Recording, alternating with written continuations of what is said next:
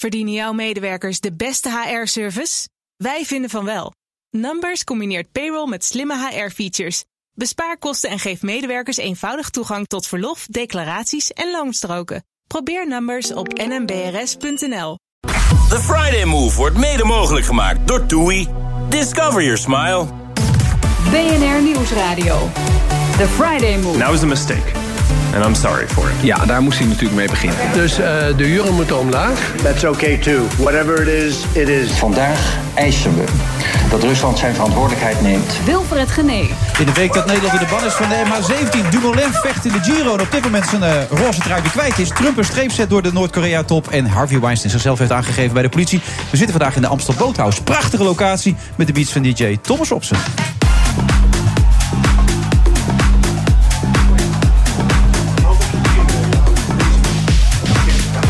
Terwijl Jan Roos nog even instructies krijgt hoe hij een microfoon moet hanteren. Dat is toch vrij nieuw voor hem, dat begrijp ik ook. Bekend van Poont, Geen Pijl en VNL.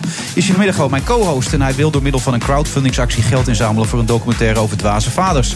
Tony Neef speelt in Elizabeth in concert... het aangrijpende levensverhaal van keizerin Sisi. En daar weet Jan ook alles van, heb ik net gehoord. Het eindigt in een persoonlijk drama, dat weten we allemaal voor Sisi zelf.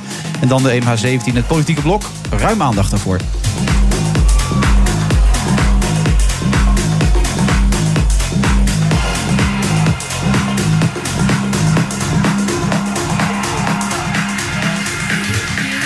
En we proberen u in deze uitzending van de Friday Move van vrijdag 25 mei ook een klein beetje op de hoogte te houden wat er gebeurt met Tom Dumoulin, die een tijdje in het roze reed. Want uh, Yates was een heel eind op achterstand gekomen. Op dit moment is Chris Froome de virtuele leider in de Giro. Ja, uh, het mooie was dat die Jade, die kon niet eens een peloton bijhouden. Die, die zakte hè? helemaal door het ijs. Dus wij gingen gelijk denken, nou, dan uh, hangen we gelijk het roze om uh, Toms een buikje. Ja. Maar ja, we wisten natuurlijk niet dat meneer Froome de hele nacht aan de preparaat had gehangen. Oh, dat zeg jij nu gelijk alweer. Dat denk jij gewoon meteen. Ja. Je denkt niet dat dit zuivere koffie is? Nou, hij heeft tot nu toe echt helemaal niet goed gereden. En op het moment dat nou, het uh, vorige even week kan... had hij even een etappe erbij dat hij ja, opeens ook prima, maar, maar dit, is, dit, dit is niet normaal. Een Speedy Gonzales op een fiets, joh. Hij, hij, zijn eigen teamleden kon niet eens met hem meerijden. Dus, dat is niet normaal. Voor mij heeft hij dat ding van Cancellara geleend met het extra motortje. Ja. Nee, maar, maar, maar ja. jij kan dat dan niet gelijk zien als topsport. Jij ziet dan gelijk weer iets. Uh... Ja, natuurlijk. Ik vind het hartstikke knap van hem. Nee, maar uh, zegt Nee, dat ook niet gelijk iets over jou, Jan? Dat je achter nee, alles maar- meteen. Nee, dat zegt dat niet. Het is een beetje een cynische opmerking. Dat Ja, dat is begrijp niks ik ook voor wel. jou, dat cynisme. Jawel, ik vind het leuk. Ik probeer dan eh, een soort van grappig te zijn. Maar het, het valt mij wel op dat Froome de laatste dagen niet echt lekker rijdt. En nu opeens uh, het leek een soort hersteld te hebben de Ja. laatste week, eh, Jan. Maar eh, cynisme, cynisme is the weapon of the week. Ik heb er zelf geen last van, gelukkig. Maar hoe, hoe is dat voor jou, voor jou als je dat soort eh, uitspraken hoort? Ja, vind ik leuk. Maar Eh, herken ja, je daar ook in? Nee, zeker niet. Ik bedoel, het is juist eh, leuk als je eh, grapjes over dingen kan maken, vind ik. vind van mezelf nou, niet altijd even grappig, maar wel leuk als andere mensen het doen. En cynische grapjes vind ik helemaal leuk. Ik vind dat niet per definitie een zwakte bot. Ik vind meer mensen die niet tegen grapjes kunnen, vind ik vrij zwak. Die weglopen of zo? Ja, nou ja, ik ben het niet van plan, maar ik heb ook geen boekje te verkopen, denk ik. Ja, ik kan ook niet eens weg. Ik zit helemaal ingebouwd hier. Je zit vast inderdaad, ja. Ja, dat was wat, hè. Vorige week eh, was je opeens nieuws geworden. Ja, ging nergens over. En die Baudet die liep weg bij je. Bij Strap, heb je de hele uitzending gezien of niet? Eh, nee, ik heb eigenlijk alleen dat stukje Of gezien. geluisterd eigenlijk, ja. Dat is, het is eigenlijk een radioprogramma, vergat ik even. Maar het was overal op internet natuurlijk op beeld te zien. Ja. Ja, Nou ja, ook een keer het nieuws leuk, toch? ja. Ja, maar dus je hebt niet de hele uitzending geluisterd. Dus je had niet het blok ervoor gehoord dat we al zeven minuten over het boek hadden gesproken. Nee, maar ik vind... Dat had je eh, wel gemist, want dat was een goed stuk. Ja, over dat boek, ja. Maar ik vind wel dat als je als fractievoorzitter van een politieke partij wordt uitgenodigd in een radioprogramma, dat er een kans is dat er wat politieke vragen gesteld gaan ja, het worden. was stom van me dat ik daarover begon eigenlijk. Hè. Nou ja, eh, ja eh, ik vond het een beetje kinderachtig voor Thierry, maar goed. Ja, maar verder ben je een groot bewonderaar van Thierry. Want je vindt dat hij gebest wordt in de politiek. Maar ook Benedict Fiekt heb je laatst weer iets over geschreven. Die hem ook weer de maat had genomen over zijn schuldgevoelens. Nou ja, laten we eerlijk zijn. Ik ben eh, eigenlijk helemaal eh, van niemand fan, behalve eh, van jou, Wilfred. maar ik, kijk, dat, dat verhaal... de enige. Ja, nee, maar dat verhaal met Fiek, dat, dat je ziet zo, die vrouw zo iemand haten... omwille van, van, van zijn gedachtegang, omdat hij anders denkt. Ja. Ik vind dat zo eng. En dan zeg je ook nog, schaamt u zich niet voor uw gedachten? En helemaal uit de mond van een vrouw die menig moordenaar eh, op straat heeft laten lopen omdat ze een aardige advocaat is. Dan denk ik, ja, eh, als het gaat over schaamte, over wat je denkt. Ik vind dat vrij heftig. Doet mij aan gedachtepolitie denken. Een beetje George Orwell. Eh, ja, en, en zo'n vrouw die mag dat allemaal eh, uitblaten bij de VARA. Maar het, is natuurlijk wel van een engigheid dat je iemand de maat neemt om zijn gedachtegang. Ja, waarop jij dan haar weer de maat neemt. Hè? Dat is jou ook wel eigen dan. Ja, nou ja, goed. Ik vind dat als iemand eh, op die manier eh, nadenkt, dat je daar iets over mag zeggen, ja. Ja, maar je hebt nooit het gevoel, als ik nou eens een tandje minder zou doen, alles een tandje minder, dat ik misschien wel iets succesvoller zou kunnen zijn dan ik tot nu toe ben geweest. Zou dat, zou dat kunnen? Eh, ja, dat, daar heb je helemaal gelijk in. Klaar. Ja, God, nou ja, je wil natuurlijk dat ik nu ga zeggen van, eh, wat stel je je aan? Maar de- ik denk dat je gewoon gelijk hebt. Eh, mijn vriendin die zegt altijd, eh, je kan van alles en nog wat. Alleen één ding eh, ben je waardeloos in, dat is je eigen PR. Ja. Ehm, Maar en- toen ging je laatst bij de reunie zitten, want je vriendin had ook gezegd: ga er eens lekker bij zitten. Ja, dat was bij de mooi. reunie, Ja. goed idee. Ja, was leuk. Dat liep goed af, hè? Nou, uiteindelijk eh, heeft er iemand eh, zwaar in zitten knippen. Daar was ik wel blij mee. Maar ja, ik, ik word bij de reunie uitgenodigd eh, om, om, om een paar mensen van vroeger te zien. hoe, hoe gaat het nu met je? Wat doe je nu? Dat is Ja. zo'n niemandal programmaatje. Eh, maar dat werd dus ge- gepresenteerd door Anita Witsier. Ja. Eh, en die, eh, ja, die dacht van, nou, nou ga, ik die, ga, ga ik die gozer eens even aflopen zeiken in het programma. En, dat, en ze deed niets anders. En, eh, voor de vierde keer vroeg ze op een gegeven moment... heeft iemand niet, niet echt één rot verhaal over Jan? Eh, en ja, dat was er niet. Nee, dat was echt niet. Nee, nou ja, niet echt, nee. Eh, maar, maar daar is uiteindelijk eh, stevig in geknipt. Want ik, ik, ik heb op een gegeven moment ook een kolompje over geschreven. Van, ja, als de NPO mij uitnodigt voor, voor, voor een beetje kletspraat van 25 jaar geleden... en, en, en dit is wat je, wat, je, wat je kan brengen... behalve heeft iemand nog iets om, om Jan af te zeiken. Tijl Uilenspiegel zei het altijd al. Ik heb er zelf om gevraagd. Is dat misschien een beetje het verhaal? Nou, vind ik niet. Ehm, ik vind het niet dat je, dat je per definitie ehm, eh, al- altijd maar eh, op, een, op een negatieve manier benaderd dient te worden. Eh, nodig mij dan uit voor een voor een één op één gesprek. Zei ik me lekker af. Maar als je mij uitnodigt om, om, om, om, zo'n lullig programma de reunie te vullen met, met een bekend hoofd. Dan waarschijnlijk zijn de rest allemaal al geweest. Ja. ja, dan kan je me toch op een andere manier benaderen. benaderen dan heeft iemand nog een rotverhaal over deze jongen. Maar even samenvattend, je verwijt jezelf ook genoeg in deze. Ik bedoel, het is niet zo dat er Nee, altijd andere mensen nee, hebben tuurlijk, begrepen. Nee, maar ik heb, ik, heb, eh, ik, ik heb ontzettend uitgedeeld altijd. En dan, en dan moet je ook incasseren, dat klopt. Ja. Eh, ik heb ook wel fouten gemaakt. Ik ben ook veel over de scheef gegaan. In de tijd dat ik bij Poont werkte, heb ik dingen geroepen over mensen Daar waarvan heb je spijt van, las ik ook, hè, met de reunie. Toen heb je dat geroepen. nou ja, was, ik, ik, ik, ik, ik ging dan eh, helemaal eh, uit mijn dak met een leuk quoteje in een interview in het Parool. En, en ja, dat was gewoon heel onaardig. Dat ging over de huwelijkskiezers van twee BN'ers... die altijd doen alsof ze heel gelukkig met elkaar zijn. Ja, en dat was niet zo handig. Ja. Dat kostte me ook een contract. Oh ja, oh ja, je zou naar RTL toe? Wat was dat ook Nee, ik zou naar SBS toe gaan. Oh ja, SBS, maar, dat was maar ik, nee, het ging over de, dat die, die galjaard die nu weggaat bij RTL. Ja. eh, nou, En die waarschijnlijk beweert dat dat niet waar is, dit verhaal wat je nu gaat vertellen. Maar ga het toch even vertellen. ook goede kennis van je. Ja, hele Eh, goeie. En eh, nou ja, goed, ik, ik zou naar SBS gaan en ik, ik had daar ook een bespreking. En dat werd afgezegd omdat ik iets zei over de relatie tussen Galjaard en zijn vrouw Wendy van Dijk. En Thijs Reumer, die daar ook mee te maken had. Nou, in ieder geval dat, dat soort dingen, dat, dat is heel kinderachtig. En dat, dat zou ik ook nu meer, niet meer Je doen. bent nu 41, je hebt nu het licht gezien, je wordt nu... Nou, ik heb dat licht nog zeker niet gezien. Oh. Eh, ik ben ook zeker niet opeens volwassen geworden. Alleen dat soort puberale scheldpartijtjes om aandacht, eh, daar, daar doe ik niet meer aan mee. Oké, nou dan maken we een inhoudelijk sterke uitzending van, Jan. Dat kan niet anders. Nou ja, dat moet toch een keer gebeuren. Ja, Vorig jaar liep, eh, vorige week liep je gasten nog weg. Nou, we gaan het proberen. We hebben tot half zeven de tijd om te kijken of we er wat van kunnen maken. Tot zo, na de reclame.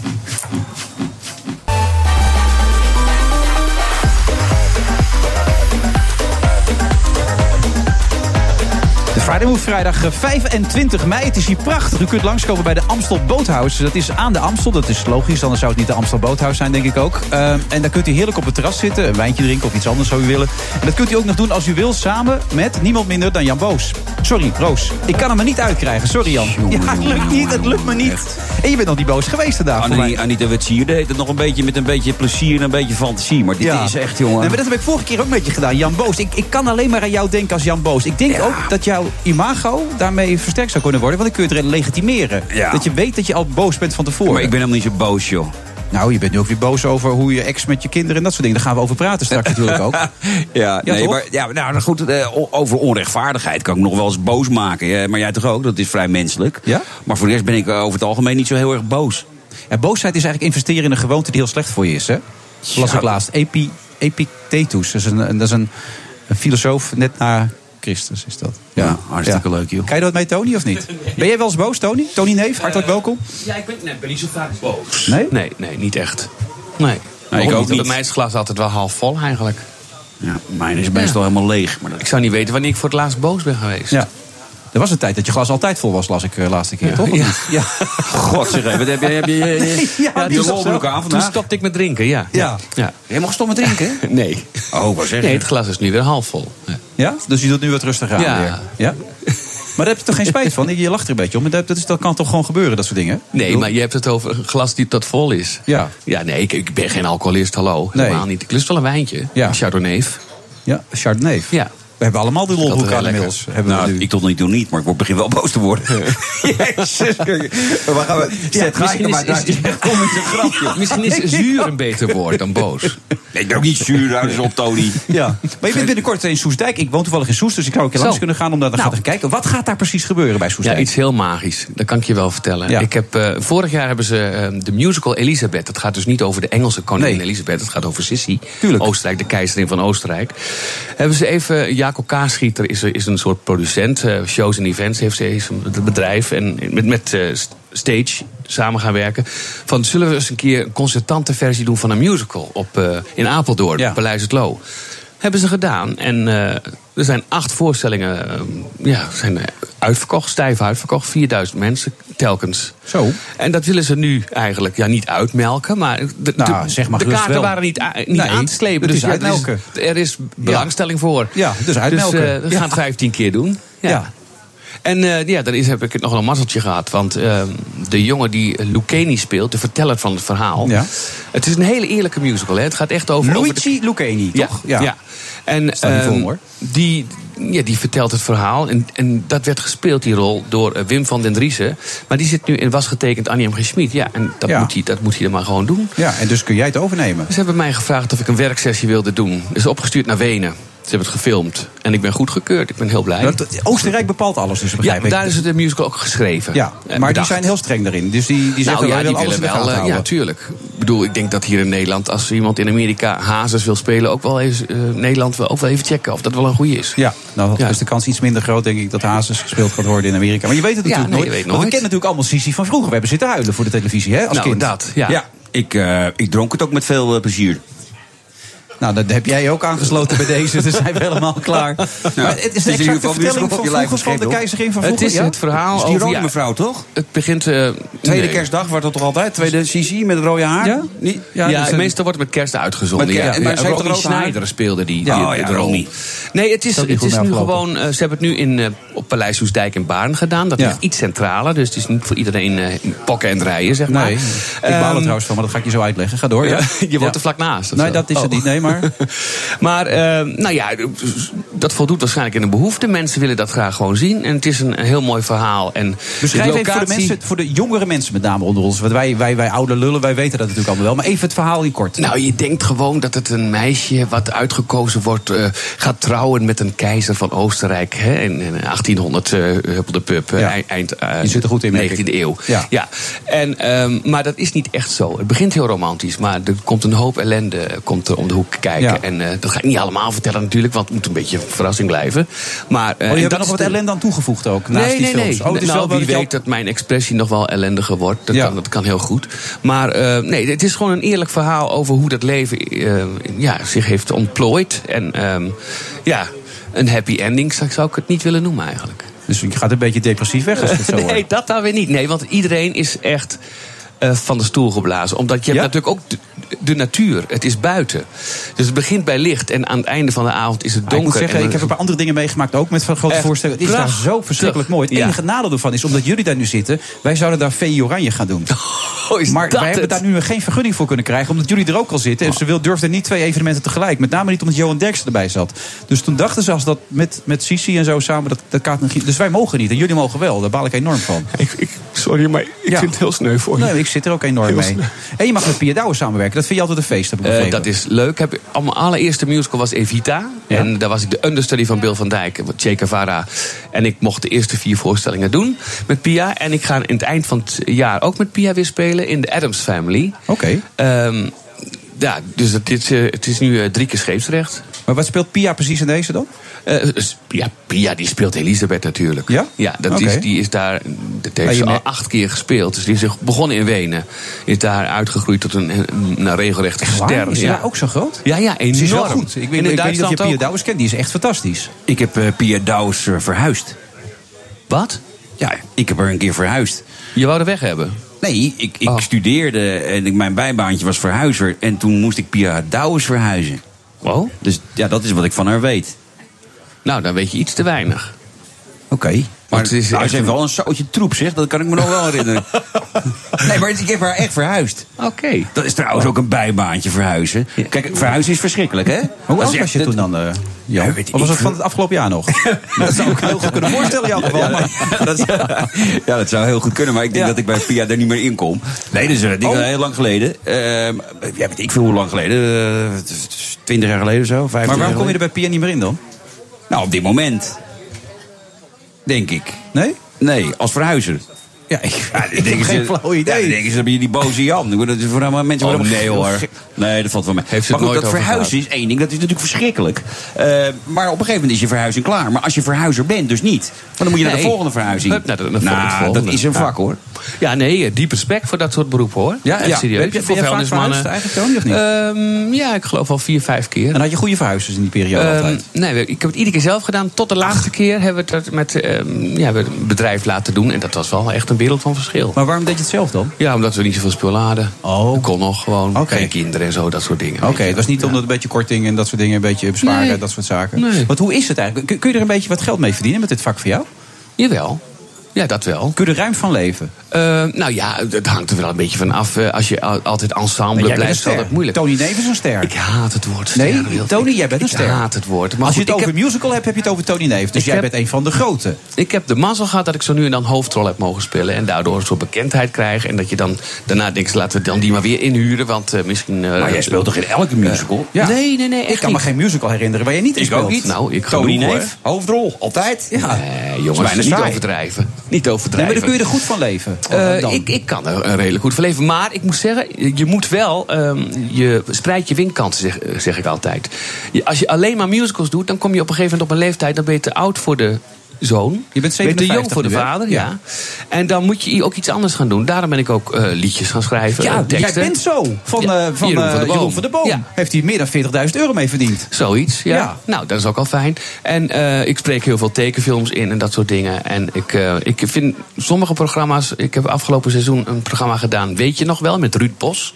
Dat is de componist van Telkens Weer, van Oh de. Fabeltjeskrant, de Ik wist Fabriek. het niet meer, hoor. Een man is in de tachtig. Ja. En met Maaike Widdershoven. En dat gaan we volgende seizoen weer doen, eh, eh, ne- 1920. Omdat dat zo leuk is. En dat verdient veel minder. Maar dat is voor oudere mensen, doen we allemaal ons Hollands cult- cultuurgoed. Daar hou ik ook van. Ook van liedjes. Ik heb ook ooit telkens weer het dorp gedaan met Jenny Arian, Marnix Kappers, eh, Ellen Evers, Joke de Kruif. eh, of dat, liedjes van Friso- Wiegersma. Of vroeger of later liedjes van Robert Long. Ik ben heel erg voorstander van, van eh, ons cultuurgoed. Ik vind dat we daar heel slordig mee omgaan. Je hoort het veel te weinig. Ja. Daarom ben ik ook heel blij dat Annie M. G. Schmid was getekend een grote hit is. Dat het heel Maar het gaat toch geweldig met musicals in Nederland? Nee, dat is niet helemaal waar. dat Nee, zijn, indruk. nee, ik kan je wel vertellen dat ik zou nu een musical doen die is afgeketst. Oh ja, de twee zelfs zouden doen, Precies, toch? ja. En, En, eh, koopavond en Urinetown. Dat zal Urinetown, nee, dat, Urinetown. daar had ik niet aan meegedaan. Maar dat was nog erger. Die mensen hebben al drie weken gerepeteerd. En toen is, Ja. is- is- heeft de producent zich teruggetrokken. Dat is ook heel schandelijk. maar, maar- hoe dan ook, wat, wat gewoon heel belangrijk is... dat mensen naar Soestdijk komen Ja, hoe doen we dat? Dan kunnen ze zien waar jij woont. Dat is hartstikke leuk. Nou ja, En, en, eh, zo'n rijtjeshuis daar. Nou ja, dat is niet zo bijzonder. enig. Ja, dat, willen de mensen graag Ja, zien. En dan kunnen ze balkonnetje, als geen tuin. toetje kunnen ze die prachtige eh, Elisabeth eh, zien. Maar hoe kom je aan de kaarten? Misschien wel handig om dat even nog te melden voor de mensen die nu mee zitten te luisteren. Ja, dan moet je wel even naar, de, naar internet gaan. Dan weet ik, Oh, de ja, ik- website is er niet van eh Ik heb geen of zo? kaartjes Of, gekocht, want ik doe mee. Zou ook heel goed kunnen. Het zou heel goed kunnen, Ja, ja. nou ja. Stanley Burleson, Pia Douwers zit erin. Ja, dat, dat zijn... Ja. En Tony Neef. Ik dan ook. Ja, ja, ja, nee, dat, Die zit overal in. Ja, die zit echt overal in inderdaad. En je gaat nog een hit schrijven, hè, ooit een keer. Hier, heb je ook beloofd. Zeker. Maar welke termijn mogen we eraan denken? Eh, een jaartje of twee, hoop ik. Ja, dan gaat het gebeuren. Ja. En dan een bekend Nederlands nummer wat je opnieuw wil schrijven? Of echt nee, een heel nee dan wil ik nog graag. Een, dat is mijn wens, een origineel Nederlands nummer. Echt helemaal vanuit jezelf dan? Eh, ja, gewoon een, een originele melodie. Want het- jij bent zoals een Spaans liedje. Ja, dat komt best Kijk, als het nou een Nederlands liedje was geweest, had ik achter die 40 nog een nulletje ach- eh, eraan Ja. kunnen zetten. Was het leuk geweest? Jezus man, dat was lekker geweest. Was ik hier met de hele helikopter gekomen, Ja. denk ik. Nou, dat is hier lastig. Maar je zou... Ja. Nou, dat zou er net wel Ah, voor nog kunnen. kunnen. En weet je dat trouwens, met een boot had je de voetbalverslaggever Leo Derksen... die heeft eh, de eerste nummers allemaal van Marco Borsato geschreven. Of Leo Driessen. Johan ja. Derksen, ja. Oh ja, ja, ja die, Ja. die Leo Driessen. Ja. Maar die, die heeft er echt die is helemaal, eh, heeft er geld mee verdiend. Die andere heeft er meer mee Maar verdiend. toen werd er nog veel verkocht. Ja. En nu hangt het allemaal in de cloud. Eh, Spotify. Ja, dat schiet wat, ook niet op Dat schiet allemaal niet zo op. nee. Nou ja. Nee. Tony, goed dat je er was. Ik vond het Wanneer is hartstikke de eerste leuk. voorstelling eigenlijk precies? Moet ik even nadenken. Volgens mij 8, 8 juni. Het is Oké. gaat van 8 tot 24 juni gaat het door. 15 voorstellingen. Oké, nou veel succes. Ik zal zwaaien vanuit het eh begon. Ik zwaai terug. Ja, oké. Tot zover. We, we gaan gewoon door in deze uitzending. Met nog zoveel meer. Politiek blok zometeen serieus. Tot zo. BNR Nieuwsradio. The Friday Move. Vandaag is komen vast te staan dat dat bugsysteem afkomstig is uit Rusland. En aan. And I'm sorry. En wat niet zeggende goede bedoelingen kon hij weer vertrekken. Nobody should be anxious. We have to get it right. Wilfred Genee. Nederland stelt Rusland als land aansprakelijk voor de MH17-ramp.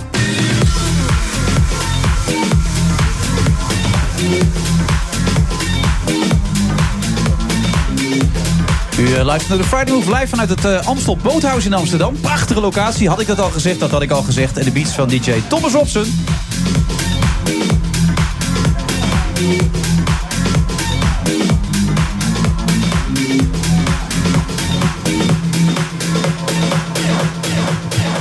Houden een klein beetje op de hoogte van Tom Dumoulin... die op dit moment 3.18 achter ligt op eh Froome. God, het is wel ongelooflijk spannend dit, hè? Hey. ja, gaat lekker hard, hè? Froome. Ja. Nou, jij blijft erbij roepen dat het allemaal met doping te maken heeft. Dus goed, daar gaan we misschien later nog in deze uitzending alleen maar hard rijdt. Is dat nou toch? Nou ja, eerder in deze uitzending deed je een paar insinuaties. Maakt verder ook niet. Ed BNR Friday Ed Wilfred Gelee, Ed Jan Roos. Of, dat, dat is hem toch? Ed Lavian Roos. Lavian Roos. Oké, Jan Roos. Ja, dat is hem inderdaad. Als u wilt reageren. Jon Stans, hartelijk welkom. Hi. Vorige week was er een missie uitgeschreven om jou weg te pesten. Dat is niet echt serieus bedoeld hoor. Dus Nee, nee, dat begrijp ik wel. Ik vind het wel iets te maken met de gast vorige week, ja. Ja, Ja, die niet dat, volhield. Ja, daar werd nog over gesproken van de week, geloof ik, in, eh, in, heel, in eh, Den Haag, geloof ik, toch? Ja, nee, er was uiteindelijk een, een, een debat. En ehm, je, je bedoelt denk ik op een, ehm, een moment dat Thierry Baudet in de Tweede Kamer... het ging er vorige week over dat hij dus wegliep... omdat hij niet over de politiek wilde praten. En in dat debat, was een over totaal ander onderwerp... had Baudet het over een boek. Ja. En toen reageerde premier Rutte nogal gevat. En dat hele boek is gebaseerd op die drogreden, dus overschat het niet. Interessant dat de heer Baudet nu wel in een politiek debat wil praten over boeken. Dat is grappig. Ja, daar kon het toen zelf wel om lachen. Ja. Toen Toch? wel. Ja, nee, zeker. Joh, we moeten allemaal niet Tuurlijk. serieus nemen. Een beetje al humor op de serieus. lach. Ook aangeschoven trouwens eh, Hella Rottenberg van Raam op Rusland. Hartelijk welkom. Dag. Ja. En natuurlijk onze eigen Jan Roos zit er nog steeds. Ehm, even het laatste nieuws. Wat heeft Rutte er vandaag over verteld allemaal? Ehm, als het gaat over MH17, dat, dat bedoel je ongetwijfeld. Ehm, Blok gaf eerst, de minister van Buitenlandse Zaken, een persconferentie. Maar aan het einde van de dag heb je dan de wekelijkse persconferentie van Rutte. En ja, die blijft maar benadrukken dat hij nu echt eist dat Rusland volledige medewerking geeft aan dat MH17-onderzoek. Omdat gisteren natuurlijk dat rapport uitkwam, die onderzoeksbevindingen van het internationale eh, team. Ja. Eh, Rusland, ehm, eh, het kabinet heeft nu besloten om dus Rusland staatsrechtelijk aansprakelijk te gaan stellen. En eh, dus zei Rutte vandaag, maar het is ook een beetje een moreel appel. Hij zegt, ik verwacht en eis dat Rusland gaat meewerken. Maar tegelijkertijd, een fragmentje meegenomen... doet hij vooral ook een moreel appel op de Russen. Waarom hij vindt dat Rusland dit niet onbeantwoord kan gaan laten. Wij gaan met ze in gesprek eh, om er alles aan te doen om hen tot medewerking hierop op dit punt te brengen. En lukt dat niet, ga ik niet speculeren wat we dan doen, maar dan zullen we natuurlijk moeten nadenken over de vervolgstappen. Maar nu eerst met de Russen in gesprek. En ik ga ervan uit, ze hebben resolutie 2166 ondertekend. Ik heb in oktober 2014 eh, tijdens een top in, eh, waar was het, in Milaan, dat was een aantal maanden na de verschrikkelijke ramp, heb ik tegen de Russische president gezegd dat hij moet weten. Hij had die atoom, u herinnert zich dat, die grote atoomonderzeeër. Het was een erekwestie voor Rusland. En Nederlandse bedrijven hebben erbij geholpen om die weer boven water te krijgen. Zodat ook, hoewel mensen waren omgekomen, eh, zoveel mogelijk toch gerechtigheid kon worden gedaan aan de nabestaanden. En eer kon worden betoond aan de omgekomen. Ik zeg, dit is van een minstens zo'n grote omvang. Misschien nogal groter. Eh, Goed, eh, dus we, ik ga ervan uit dat zij het serieus bekijken. eh, en als niet, dan zullen we ons over stappen eh, beraden. Maar daar ga ik niet over speculeren. Nee, maar dat is dus wat Rutte nu ook doet. Eh, hij haalt dus die zaak van lang geleden. de, koers was, die, ja. was die onderzeeër. Die haalt hij erbij om eh, bij de Russen erop aan te dringen. Echt een mooie appel van... jongens, jullie zouden toch moeten begrijpen hoe belangrijk dit voor ons is. Dat wij uiteindelijk mensen kunnen gaan berechten. Dat er gerechtigheid komt, zoals hij het formuleert. Eh, Hella, mag ik Hella zeggen trouwens? Zeker. Hoe, hoe vind je deze benadering van Rutte in deze situatie? Nou, verrassend. Ik had niet verwacht dat ze deze stap zouden zetten. Want eh, tot nu toe was het een strafrechtelijk procedure. Waarbij stap voor stap gekeken werd eh, of er verantwoordelijken konden worden eh, aangesproken. Ja. En waarna je zou verwachten dat het JIT uiteindelijk met een aantal namen Ja. zou komen. Organisatie en die mensen zou ja. Aanklagen wegens eh, schuld voor het eh, neerhalen van de MH17. Was zelfs al een militair genoemd, de naam toch ook? Ze hadden mensen in het vizier, zeg maar. Om, eh, De, de, het eh, onderzoeksteam, internationaal onderzoeksteam, heeft geen naam Nee, maar genoemd. er is Eh, wel. Bellingcat Ja. wel. Dat is een journalist- internationaal journalistencollectief. Die ook Klopt. onderzoek doen. Ja. Maar verrassend dus. En, en is het een goede wending? Is het verstandig? Ja, dat eh, moet de tijd leren. Het is een, een, een eigenlijk onbekend terrein eh, dat Nederland nu betreedt. Ja. Om eh, een, een staat eh, aan te spreken op zijn verantwoordelijkheid. Terwijl die staat die verantwoordelijkheid tot nu toe afwijst. En dat ook blijft ontkennen natuurlijk tot nu toe. Wat is jouw gevoel erbij, Jan? Nou ja, je kan het gewoon schudden natuurlijk dat Rusland zegt... nou oké, ja jeetje, dat hadden we niet moeten doen. Eh, dus dat, dat komt nooit boven water. En ze zullen, wat ze ook gedaan hebben, direct eh, ontkennen... Dat ze, dat ze er iets mee te maken hebben gehad. Ja, er zijn allerlei verhalen hè, over eh, een F-16 of zo. Tenminste, een jachtvliegtuig die iemand neergehaald. Nou ja, ze- ze verzinnen nog over een verkeersleider. Carlos die helemaal niet bestond. En dat soort Nee, dingen. natuurlijk. Maar eh, dat gaat nooit komen. Er, er komt nooit een moment dat die Russen denken... ah joh, weet je, laten we gewoon eens normaal meewerken... en laten we gewoon eens de waarheid eh, boven water Cynism halen. is the weapon of the weak, hè, zei ik aan het begin van deze uitzending. Dit cynisme, dat is natuurlijk logisch, omdat we natuurlijk... Dit is realisme. Dan moet- Dit is realisme, Je moet wel jij. dingen uit elkaar weten te halen. Ja, dit is puur realisme. Dit is puur realisme. Als jij denkt dat de Russen hier aan mee gaan werken... dan ben je gewoon heel erg naïef. Ja, dat is gaat dat helemaal zo, niet gebeuren. Is dat heel naïef? Nou, ze hebben zich op het standpunt gezet van meet af aan. Wij hebben hier geen verantwoordelijkheid voor. Wij zijn hier niet bij betrokken. En dat hebben ze al die tijd volgehouden met allerlei verhalen en. eh, geloofwaardig, ongeloofwaardig. Ja. Dat kan je. Ja. Lavrov en heeft daar het kun je, kun, kun je niet van eh, terug natuurlijk. Nee, want hoe- hoe Zonder ze- gezichtsverlies. Hoe is Rusland nu gereageerd op deze reactie van Nederland? Eh, nou, Lavrov heeft met Blok gepraat vanochtend. En die heeft gezegd: Ja, luister eens, wij, dat onderzoek van jullie. Dat is jullie onderzoek. Wij zijn daar niet eens bij uitgenodigd om daaraan deel te nemen. Dus wat jullie daarover te zeggen hebben, dat is door Oekraïne ingefluisterd. Ja. En wij vertrouwen het niet. Hadden ze wel mee willen werken dan? Of is het ook weer een vorm? Nee, dat, dat, dat, dat, dat is ook niet zo geloofwaardig. Want ze hebben van meet af aan gezegd: wij zijn niet betrokken. Ja, wij raket- hebben hier helemaal niets mee te maken. Dus waarom zou je ze dan vragen? Het is niet op Russisch terrein ge- gebeurd. Dus ze hadden wat dat betreft geen eh, eh, reden om daarbij betrokken te zijn. En onze militairen zijn niet Ja. betrokken. Dus waarom zouden we hier eh, deelnemen in dit onderzoek? Helle wordt En ondertussen nu- aangevallen door een vervelende vlieger. pak maar hem je, je even, gaat Jan even verwijderen. Ja, een mug, die is weg, ja. ja. ja. Hij is weg hoor. Maar wat ik denk dat de afgelopen maanden is gebeurd, is als je kijkt naar de, eh, de gang van zaken, is dat op 9 maart al blijkt, is er een brief gestuurd aan de Tweede Kamer door het kabinet. Dat eigenlijk helemaal geen ophef heeft veroorzaakt, maar waarin ze al de internationaal juridische kanten eh, exploreerden van deze stap. Zonder te zeggen, dit gaan we doen. We, we, we, we kijken wat de mogelijkheden zijn. Een paar weken later ging Blok voor een kennismakingsbezoek Ja. naar Lavrov. In plaats van Halbe, ja. Ik denk dat hij gezegd heeft: luister eens, eh, wij bereiden deze stap voort. Als jullie het JIT dat in mei komt met nieuwe bewijzen, opnieuw eh, naar de prullenband, eh, prullenbak eh, verwijzen, Ja. dan zullen wij deze stap gaan zetten. En toen dat dus gisteren gebeurde, toen de reactie van Rusland was. Nou, dat JIT dat, kan, ons, kan ons wat vertellen, nog meer vertellen. Wij vertrouwen het niet. Wij gaan hier verder niet op in. Toen heeft de volgende dag Rutte het besluit genomen om, om deze stap te zetten. Ja, om Rusland Aangekondigd ook. ja. Maar ik vraag me af, is het niet een ongelooflijke fout geweest om dat eh, Joint Investigation Team Oekraïne op te nemen? Oekraïne was, was eh, ja, medeverdachte in eerste instantie. En het is natuurlijk heel raar dat je als medeverdachte Nou, onderzoek mag doen naar wie de dader is. Ik, is ik dat denk niet dat ten het aanzien niet- van Rusland bedoel ik dan? Hè? Ik denk dat het niet anders kon. Want het heeft zich afgespeeld op het terrein van Oekraïne. Ja, dat Als ik wel, hier maar- in Nederland een, een vliegtuig naar beneden valt... dan kan je niet Nederland uitsluiten van dat onderzoek. Ja, begrijp ik. Maar alleen hij is niet naar beneden gevallen. Hij is vanaf uh, Oekraïns maar- grondgebied naar beneden geschoten. Ja, en zelfs als dat het geval is... kan je een land op wiens terrein dat plaatsvindt... niet uitsluiten van het onderzoek. Want je hebt het land ook nodig voor de medewerking. Ondanks dat het mogelijk ook een dader zou kunnen zijn. Ja, maar het was natuurlijk op gebied gebeurd... Nou, wat niet onder gezag stond op dat moment van Maar Oekraïne. praktisch had het niet anders gekund. Dat is wat je eigenlijk Praktisch zegt. had het niet anders kun je geen onderzoek doen in een land waar je uiteindelijk niet, als je niet meewerkt, een onderzoek kan doen. Dat is eigenlijk wat je zegt. Daar Ja. komt het een beetje op neer. We kunnen zo nog even doorgaan over het morele verhaal en alles wat er omheen komt kijken. Maar we gaan er eerst even uit. En tot nu toe gaat het tussen jullie goed, hè? Ja? Ik, ik heb met niemand problemen hier aan tafel. Nee, nee en Jan? Nee, gaat goed. Nee, hartstikke goed. Gaat hartstikke- Ik heb net eh, geholpen en van de Ja. lucht die nee, probeerde dat, aan dat te zag vallen. ik ook. Ik sprong zag een soort toenadering. Zag ik. Ik sprong ervoor. Ik heb het begrepen dat jullie in het verleden eens kleine Wij persoonlijk niet. wrijvingen Wij- gehad hebben. wij wrijvingen gehad? Raam? Persoonlijk helemaal niet. Nee, Nee. maar op de organisatie heb jij wel eens wat kritiek gehad. Waar ze Oh ja, nou dat kan wel, ja. Ja, maar dat weet je niet meer. Nou, Nee, dat wel scheelt nee, toch weer. Ach, dat geheugen van jou. Je bent net een goudvis. Heerlijk. Tot zo, na de reclame.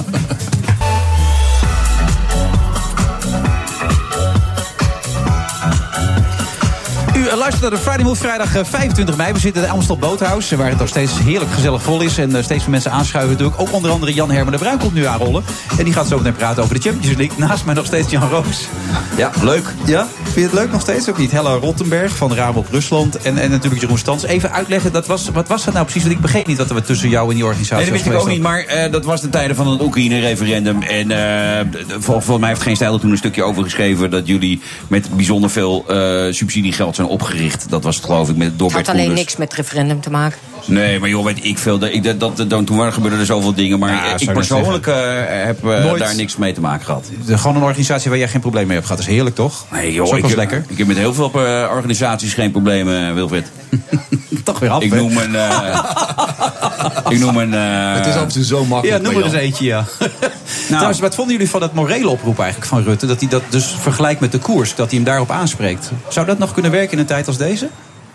Ik denk dat Rutte deel, voor een deel heeft gedaan. Misschien helemaal omdat in het kabinet zal er ook wel besef zijn... dat ze geen Russen uiteindelijk op, eh, in de extra beveiligde rechtbank op Schiphol gaan krijgen. Nee. En eh, Rutte is er alles aan gelegen om wel uiteindelijk tot veroordelingen te komen. Dat hij, wat hij telkens zegt, die gerechtigheid. Dus dat je daders kunt aanwijzen en dat die ook worden berecht. En of het uiteindelijk dan bij verstek is, dat is dan een tweede. Ja, het- maar door een moreel beroep op de Russen te doen... toch ook, en ook in, de- in, in het Russisch dus via de nog wel onafhankelijke media... daar het, het, de Nederlandse of de internationale versie naar buiten te brengen... toch daar op die manier ook ja, voor, voor wat het waard is de druk op te Zijn er voeren. nog wel onafhankelijke media daar? Is die Nou, er er zijn er ook niet zo heel veel nog. Zou ik net zeggen, ik kan me niet Er voorstellen. zijn dat een, paar, er zijn Ja? een aantal kranten die eh, onafhankelijk eh, berichten. Er is Novaya Gazeta, die een verslaggever had in Zeist Ja. eh, gisteren. En Die hebben een uitgebreid verslag eh, gemaakt van wat er daar gezegd wordt. Heel feitelijk. Maar wordt in zo'n krant dan ook een oproep gedaan voor eventueel getuigen, anonieme getuigen, deskundigen die en nog zij hebben ook de oproep eh, geplaatst van die groep nabestaanden... om aan Rusland om mee te werken. Ja. Ehm, maar er zijn maar een paar van dergelijke kranten. Ik denk dat het voor de nabestaanden natuurlijk verschrikkelijk is wat ze nu allemaal voorbij zien komen. Je ziet steeds meer bewijzen en er zal uiteindelijk, wat jij net zegt, uiteindelijk niets uit gaan komen. Althans, de echte daders zullen waarschijnlijk nooit bericht worden. Dat is wat jij concludeert, toch? Ja, de, eh, Bellingcat die heeft dus een naam genoemd van een man. En die schijnt nu weer in eh, Syrië te vechten voor de Russen. Ehm, en die heeft dus in Oost-Oekraïne ook gevochten. Eh, ja, die wordt nooit uitgeleverd. Wat Jeroen zegt, eh, bij verstek wordt hij hoogstens, eh, als, ze, als ze het rondkrijgen, eh veroordeeld. En dat is het dan. Ja, dat is natuurlijk verschrikkelijk zuur voor, eh, voor de nabestaanden. Maar ja, zo werkt het nou helemaal met de Russen. Ja, dat, dat kan Mag je... ik toch een parallel eh, trekken met eh, wat er eh, met Libië is gebeurd destijds, eh, Lockerbie?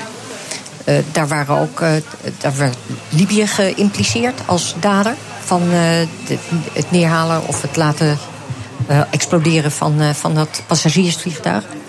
Het heeft tien jaar geduurd.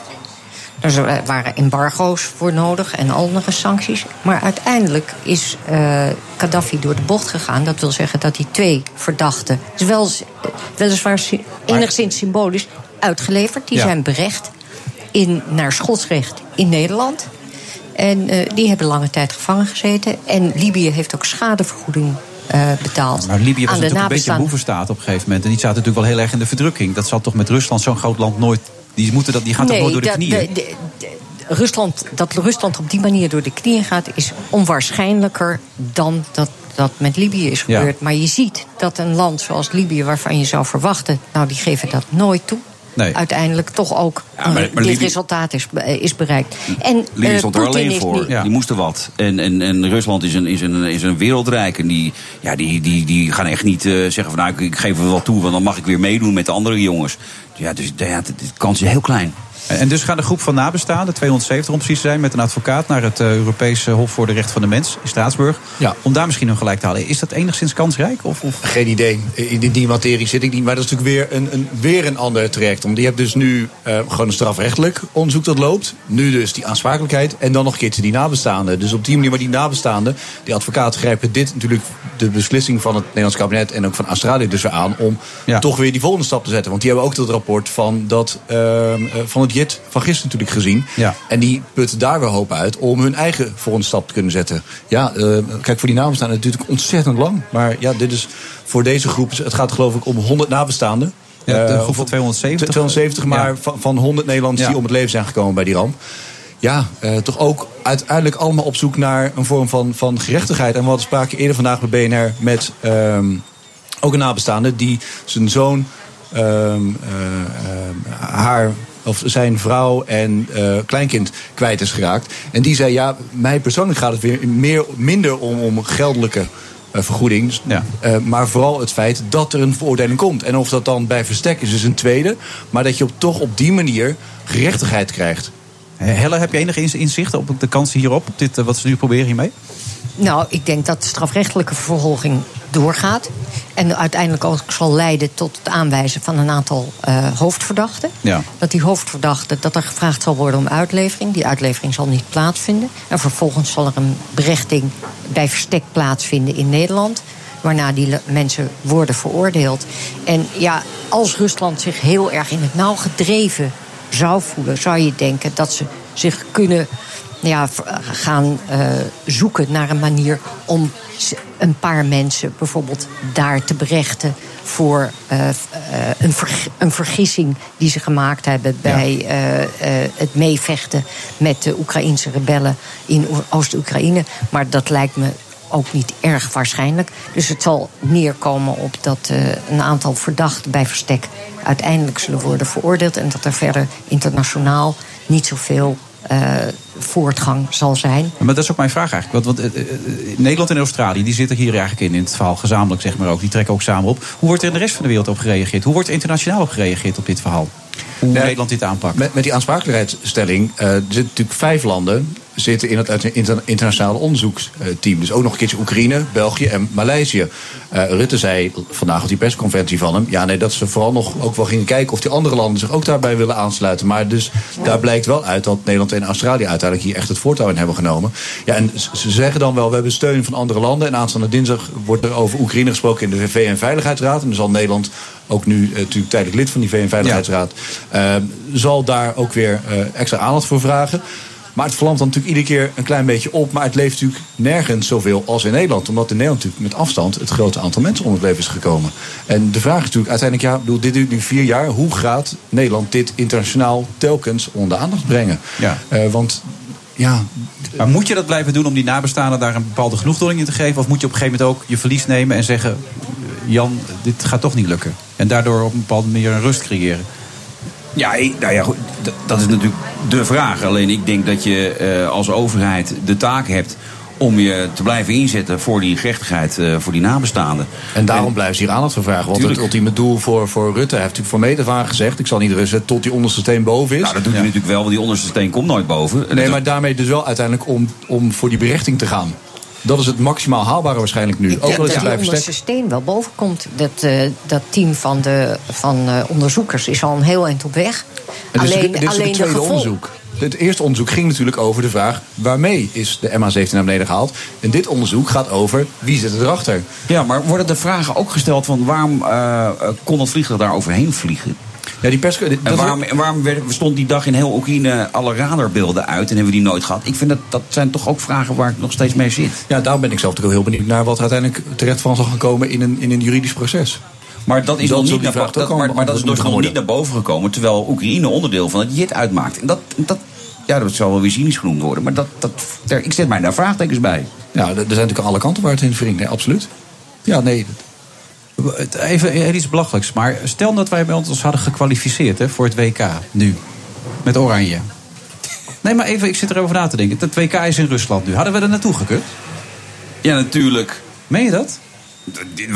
Eh, gaan- We gaan toch ook, als we ons kwalificeren naar Qatar, dat is een verschrikkelijk Ja, land. Wacht even, maar dit is een land wat in, in zekere We zin gingen ook naar. Argentinië, bloed aan de Ja, paal. maar maar, dat, waar we niet zo direct mee betrokken door wat er nu gebeurd is. Ik geloof- Zou je dat vinden kunnen, Hella? Dat we dan, als we ons zoveel hadden ballen, zoveel ballen hebben wij niet in Nederland. Nee? Of moet je dan op een gegeven moment wel een statement maken als je zo'n situatie zou hebben gehad? nou, het is dat- een als, ja, als situatie. Maar ik zat me dat gewoon af te vragen opeens. Omdat we hebben dat WK. Nou ja, dan koppel je een sportgebeurtenis Ja. aan, een, eh, aan, een- aan een politiek conflict. En dat is natuurlijk altijd een beetje eh, twijfelachtig. Maar eh, ja, het, het had gekund. Dat, je ziet dat, de- dat de Nederlandse regering er zeer sterk op, op, op ge- gespitst is. Om deze zaak voortdurend in de aandacht te houden. En ook Rusland verantwoordelijk te stellen. Dus ze hadden hier misschien ook wel ja, steun voor gekregen bij, eh, bij hun achter. Maar goed, het eh, is wel goed dat we zo bij slecht de voetballen de laatste jaren. Dan hebben we dat probleem tenminste niet bij Ja, gehad. maar Qatar hoeft het ook niet druk op te maken. Nee, daar zitten we ook niet bij. Nou ja, we hebben eerst nog het EK ertussendoor. Eh, hoe staan we nu met de Russen op dit moment, Hella? Hoe ernstig is die situatie? Nou, de, Blijven? de verhoudingen Ja? tussen- die, die zijn bijzonder slecht. Ja. Sinds de, de, het neerhalen van de MH17. Nederland heeft ook een rol gespeeld in het aantrekken van die sancties. Ja. En het harder maken van die sancties tegen Rusland. Tegelijkertijd zijn, de, zijn er nog economische betrekkingen die helemaal niet zo slecht gaan. Nederland is de derde investeerder in Rusland.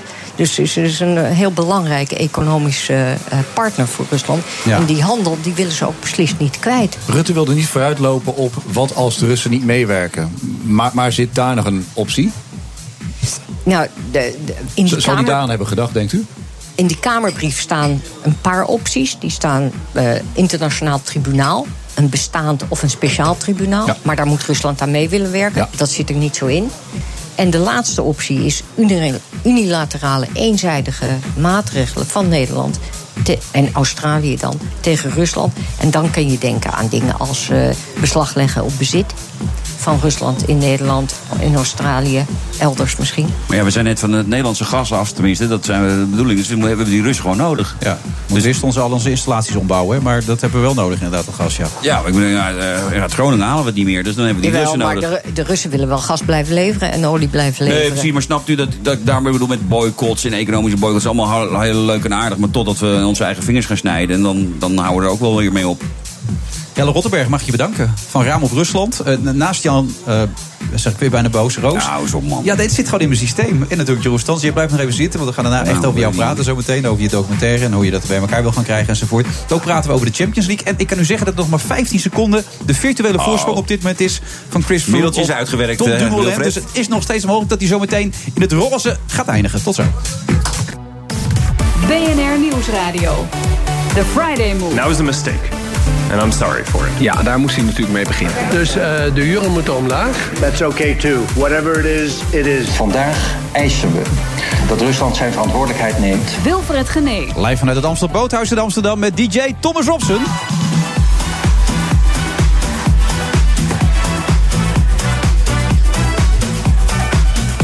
En op dit moment eh, gaat het net mis. Heeft hij te weinig tijd ingehaald, Tom Dumoulin, om het eh, roze te pakken.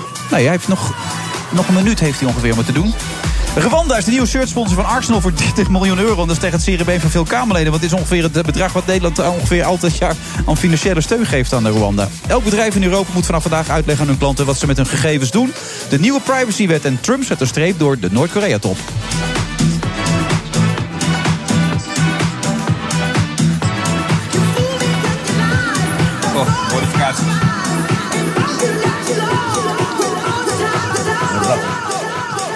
Ja, we zitten op dit moment nog even te kijken naar Tom Dumoulin... die in de laatste paar, een paar honderd meter zit... en op 2.44 had moeten binnenkomen van eh, Chris Froome... om het eh, roze te pakken, maar dat gaat hem helaas niet lukken. En ook, hij wordt nu door onder andere Pinot nog afgetroefd in de laatste meters... waardoor hij eh, nu op dit moment op de tweede plaats blijft staan. Alleen niet meer achter Yates, maar achter Chris Froome. Wie had dat ooit kunnen denken? Ja, niemand. Nee. En dus zeg jij opnieuw, net als aan het begin van deze uitzending... dat kan niet. Dat is volstrekt onmogelijk. Nou, laat ik zo zeggen, is- Menselijk is het niet mogelijk wat hier gebeurt. Ehm, 80 kilometer nou ja, het is, alleen. het is een mens eh, die, die dit doet. Alleen ehm, eh, van zo'n ongelofelijke eh, afstand in je eentje gaan rijden... dan ben je heel erg zeker van je zaak. Heel erg zeker. Op een of andere manier ben je wel ongelooflijk zeker van je zaak. Je denkt dat, dat je die dag dan plant om het zo voor elkaar te krijgen dat alles goed geregeld is. Zo bedoel je het eigenlijk? Zou kunnen. je bent een liefhebber, hè? Ik ben, eh, ben gek op, op wielrennen, ja. Ja. Maar maak je dit dan niet heel, eh kom ik terug op jouw cynisme, cynisch als je dit soort dingen voorbij ziet komen? Of, of kun je dat nog wel waarderen? Ja, nee, ik vind het fantastisch. Eh, nee, nee, nee. Ik, ik, wat ik wel cynisch altijd vond, was dat, dat bijvoorbeeld eh Mars Meets dat deed deed of, dat, of er niet gebruikt werd. Dat, dat vond ik cynischer. Nee, ik, vind het, ik vind het fantastische sport. Ik vind het heerlijk om te kijken. En, en bergetappes, maar dat geldt denk ik wel voor iedereen, is, is het mijn favoriet, ja. Ja. Wat zijn je ambities op dit moment, Jan? Wat zou je graag willen? We hebben net over jou gehad dat je als je een tandje minder zou doen, dat je misschien jezelf wat beter zou kunnen profileren, denk ik, als ik het zo omschrijven Nou, ik ben beter te verkopen. Ja, beter verkopen inderdaad, ja. Ja. Zoals je vriendin dat dan zegt. Ja. Maar wat zou je graag willen? Nou, ik heb, ik heb redelijk wat eh, ambities. eh, heb altijd wel ambities gehad en eh, heb altijd eh, mijn best gedaan en risico's genomen om, om, om die ook eh, werkelijk te laten worden. Dat is dan in de politiek niet gelukt. maar dat betekent niet dat ik gelijk helemaal bij de pakken neer ben gaan zitten. Ik ben nu bijvoorbeeld bezig met een, een documentaire die ik wil gaan maken. Ja, dat heet Vaderleed. Vaderleed heet Ja. dat. Dat ben ik aan het crowdfunden. Dat, dus geld bij elkaar aan het zoeken om dat te maken. Gewoon simpel omdat je dan onafhankelijk bent. En dan, dan is de, de kans mogelijk. Hoeveel geld heb je nodig daarvoor dan? Eh, zo'n 30.000 euro heb ik nodig en ik zit zo'n beetje op een derde. Eh, ja, dus die, je kan bijvoorbeeld wel geld storten. Is Voor de kunst.nl is dan zo'n crowdfund eh, website. Voor de, voor de kunst.nl. En het project heet dan Vaderleed. En dan kan je het zoeken. En dan kan je een tientje storten. Of, of, of 100 euro, 5000 euro. Net waar je zin in hebt. Eh, en de bedoeling is dat we uiteindelijk. eh, ik heb al een hele goede eh, regisseur, eh, Peter Flemmings. eh, een documentaire gaan maken over de situatie van vaders bij scheidingen. En dat is een enorm maatschappelijk probleem. Eh, want je hebt namelijk als man gewoon minder rechten in de, in de rechtbank. Ja, en dat, en dat kan niet. Eh, daar moet iets aan gedaan worden. Eh, dat kan Maar eigenlijk ik- alleen maar in de politiek. Ik, ik las het ook, want je zei het ook, ook in het geval van mijn vrouw. Jij mocht dan vier dagen in de twee weken je kinderen zien, toch? Ja. ja. Ja. En dat kwam omdat mijn vrouw het wilde en omdat de, rechtbank nogal feminine is ingesteld. Een beetje vrouwelijk is ingesteld. Nou is ja, dat zo? eh, het probleem is dat er een. eh, aan de ene kant is, is, is de rechtbank daarin heel ouderwets. Ze zien namelijk dat. eh, ze vinden dat moeders de zorgtaken doen. En vaders die moeten gewoon geld verdienen. En die missen die kunnen toch niet heel erg. Zeg maar Ja. de jaren 50. Ehm, en aan de andere kant hebben ze het, het weer heel erg modern gemaakt. Om de moderne. of de koude uitsluiting. Zoals dat vroeger ging met scheidingen. eh, dat je een vrouw gewoon eh, op straat kon zetten en zeggen: wegwezen jij. eh, zonder één cent of wat dan ook. Dat hebben ze teruggebracht naar de situatie dat, dat je als eh, man per definitie de sjaak bent. Ehm, en ik vind dat daar een balans in moet komen. Eh, en niet alleen ik, maar heel veel vaders die gescheiden zijn. En erachter zijn gekomen dat ze wat minder recht hebben dan, eh, dan moeders. En zo moet dat niet zijn. Maar dat is niet een, eh, een boze mannending. Het is eigenlijk ook iets wat vrouwen zouden moeten willen. Waarom? Nou, als we toch met de emancipatie bezig zijn, dan hebben we gelijke rechten en gelijke plichten. En dan zou het zo moeten zijn dat we voor de wet allemaal gelijk zijn. En ook allemaal, eh, als je dat wil, eh, die zorgtaken op je moet kunnen nemen. Maar uiteindelijk, ik bedoel, het begint het al in het huwelijk zelf. Dus daar is al iets misgegaan natuurlijk ook. Hè? Dus daarna... Nou, je gaat niet scheiden omdat je, Nee, dat omdat je er zin ik in dus. hebt. Nee, maar Eh, nee, natuurlijk gaat er iets mis. Ehm, eh, daarom, daarom scheid je. Alleen de bedoeling is dan wel dat je het leuk met elkaar afhandelt. Zo leuk mogelijk als dat kan. Maar het is natuurlijk volstrekt raar dat, dat je als man, eh, als je voor 50% voor je kinderen wil zorgen, dat dat afhangt van de wil van de moeder. Ja. Nou, en dat is nu het geval. Eh, en ik vind dat geen gerechtigheid. Want als moeder dus een beetje boos is of rancuneus of. of, of Dat is in jouw geval het geval, begrijp ik. Eh, nou ja, zij heeft ervoor gekozen, terwijl we samen hebben besloten om uit elkaar te gaan. eh, Ja. eh, omdat het op was, zeg maar. Dan, dan kan je op die manier kan je dus de man een, een, alsnog een draai om zijn oren verkopen. Terwijl dat, terwijl dat heel raar is. Eh, dan, dan krijg je dus een verhaal te zien van allemaal mannen die slachtoffer zijn geworden. Dat is nee hoor, nee. Dat, probeer er dat- wel een beetje dat- evenwicht in te Dat brengen. wordt een beetje saai. eh, maar, maar het gaat wel over eh, dat we eh, de rechterlijke macht daarop aanspreken. Maar ook bijvoorbeeld de hulpverlening is heel erg ingesteld om, om, om moeders te helpen. En, en dan ook wel ook een beetje de kinderen. Maar vaders per definitie niet.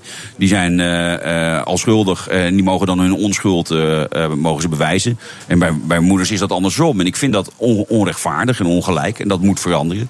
Eh, maar, maar dus ook hulporganisaties komen aan het woord. eh, rechters, advocaten, eh, deskundigen. eh, en uiteindelijk ook eh, politici. Eh, want die, eh, ja, dat zijn toch de mensen die hier iets aan moeten gaan doen. Gaan je kinderen ermee om? Nou ja, goed, eh, ik probeer het zo leuk mogelijk te maken natuurlijk als ze bij mij zijn. En we hebben het hartstikke naar ons zin. Alleen ja, er vloeien vaak tranen van moet ik nu alweer weg? En, eh, Zij zouden ook 50-50 willen. ja, ook, ja, dat is dus een beetje het probleem. Het maakt dus niet uit wat vaders willen. Het maakt ook helemaal niet uit wat kinderen willen. Moeders die zijn aan zet. En ja, dat is een doorgeslagen situatie waar echt iets aan moet veranderen. Omdat eh, na- naast dat al die, al die huilende papa's die in hun lege slaapkamertjes eh, zien voordat ze naar hun eigen bed gaan. eh, zijn er ook de kinderen die gewoon behoefte hebben aan contact met hun vader. Kijk, als er iets vreselijks gebeurd is, dan, hè, dan moet, dat, moet daar iets aan gebeuren. Maar op- op een normale manier dienen kinderen gewoon ook in hun opvoeding, maar ook, ook in hun in gewoon hun dagelijks leven contact hebben met hun vader. Dat is Ja. heel erg belangrijk voor allebei. Jullie zijn normaal uit elkaar gegaan, zeg jij. Nou ja, wij, wij vonden het allebei dat de koek op was. Ja. En, dan, eh, ja, dan, en dan komt er een verdeling. En ja, dan, ja, dan komt er een mogelijkheid om dus meer op te eisen dan, dan ik vind. Zit, dat je zit jouw ex-vrouw nu te koken, terwijl ze naar de radio luistert? Of, eh? Nou, die, die kookte toen al niet. Dus het lijkt me terug dat ze dat nu wel doen. Nee, maar als jij vertelt dat je kinderen eigenlijk ook 50-50 willen... dan zou je denken als goede moeder dan, nou ja, laten we het dan gewoon zo aanpakken. Dat interesseert eh, die moeders helemaal niks. Het is een eh Dat is een generalisatie, hè? Die, die, nu Nou, de, moeders waar we het over, daarover hebben in deze zaken interesseert niks. Want het is een stok om mee te slaan.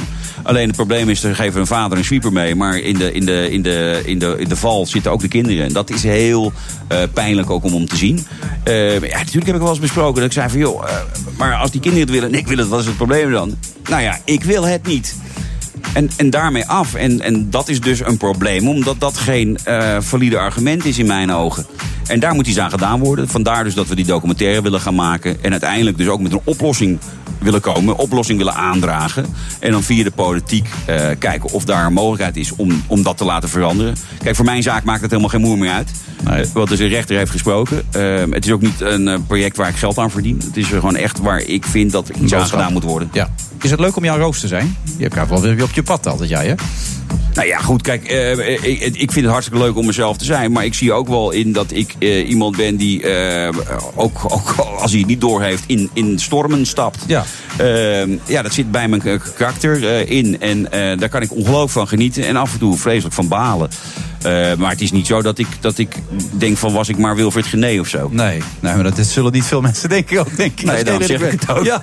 Nee, maar luister. Nee, maar ja, is het leuk om... Ja, ik vind het leuk. Ik, ik, Ja. ik doe heel veel... Ja, ik bedoel, er zijn niet heel veel mensen die de kans krijgen om een gooi te doen naar, naar eh, fractievoorzitterschap in de politiek. Nee. Ik heb heel veel dingen meegemaakt in mijn werk. eh, ik, ik, ik, ja, het word- valt mee om Jan, Boos te zijn, Jan Roos te zijn. Hartstikke goed. Tot zo na de reclame. Man, man, man.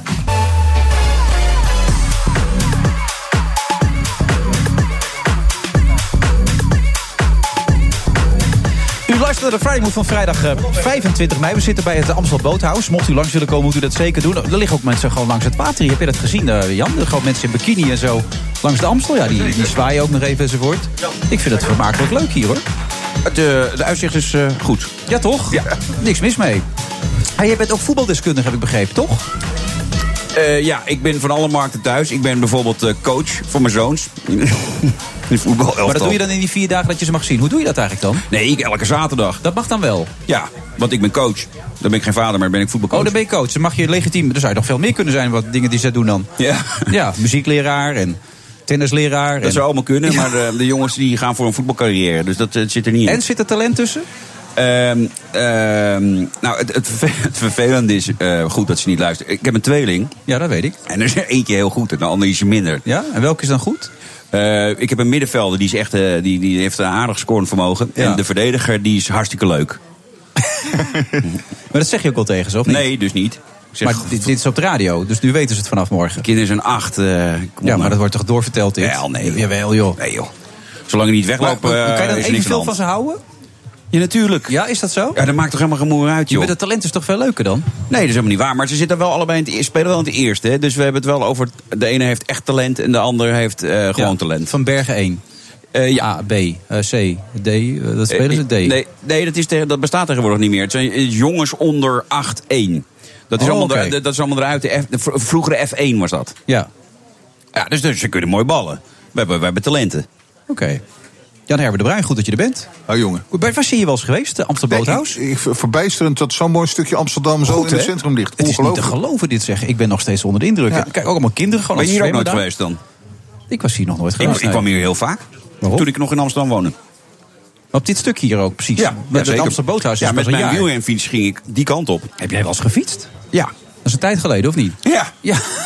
Nee, maar ik, ik, eh, ik eh, eh, wielren nog steeds wel een beetje. Maar ik heb een knieblessure, dus ik mag het even al een half jaar niet. Maar ja, ik vind het heerlijk. zeker gedaan. Even het laatste nieuws. Rwanda, eh, de nieuwe sponsor van Arsenal voor 30 Zeker. miljoen. Ja, jij- goed besteed geld. Ja, maar waar gaat dit over? Hoe kan Arsenal dat zelf willen? Ja, dat weet ik niet. Het is, eh, het is, eh, ik zag net de foto, er staat op Visit Rwanda. Dus het zal ongetwijfeld van het Rwandese eh, toeristenbureau zijn. Ja. Het is natuurlijk heel raar. Alleen aan de kant is, en zeker de sport, eh, shirtsponsoring bij Arsenal... kan zoveel publiciteit opleveren en zoveel geld... dat ze er misschien wel twintig keer uithalen. Dat, dat, dat weet je niet. Maar ik weet, Atletico Madrid, wat hadden die ook alweer? Oezbekistan of zo? Die hadden ook zo. zo Azerbeidzjan. Azerbeidzjan hadden die Ja. inderdaad, ja. Nou ja, sindsdien loopt het ook wel- storm. Ja, het vreemde is natuurlijk dat wij zelf eh, 34 miljoen eh, ontwikkelingshulp naar Rwanda daar storten. zou ik ook Kamervragen over gesteld. En er worden er 30 miljoen gestort eh, naar, naar Arsenal. Aan de andere kant kun je ook zeggen dat het eh, wel Ja, leuk is. ontwikkelingsgeld Dat doe je toch om geld mee te verdienen voor zo'n land. Als ze er drie, als ze tien keer terugverdienen, is het goed besteed geweest. Nee, maar ja, het is beter dan een van de dictator die er een vliegtuig van koopt. Ja, toch? nu zien we tenminste nog wel wat van, van die poen. Ja. Ja, maar tegelijkertijd moet je dat als Arsenal willen. Nee, maar je moet ook als Nederland geen eh, ontwikkelingshulp overmaken. Maar dat is een andere discussie. Oh, waarom niet dan? Omdat het niks oplevert tot nu toe. Dat is eh, uit elke studie be- bewezen. Ja. Dus eigenlijk is het zonde van je geld, maar wij blijven sociaal en dat is eigenlijk onzin. Dat is Het is een zegt. aflaat, heet dat. Het is, je koopt je schuld af. Je denkt, nou, dan geven we die mensen wa- wat geld... en dan, eh, dan voelen wij ons niet zo schuldig... dat we ze al die tijd eh, hebben een beetje uitlopen nasje. Ja, dat is even de politicus die weer boven komt. Of, of zie ik dat verkeerd? Ja, Ja, eh, maak het allemaal uit. Je vindt het gewoon klaar. Dan de Champions League. Eh, de, de Champions League. Liverpool is de redding van de Champions League. Las ik vandaag Valentijn Dries. Heeft hij daar gelijk in? Nou. Als die er niet bij was geweest, is het op een gegeven moment toch wel dat je denkt van jongens, daar gaan we weer, weet je wel. En Real Ja, Madrid. natuurlijk is het ontzettend leuk. Ja. Liverpool heeft, eh, ze hebben één wedstrijd verloren. Dat is die ongelooflijk fantastische tweede wedstrijd tegen Roma geweest. De eerste wedstrijd was nog mooier.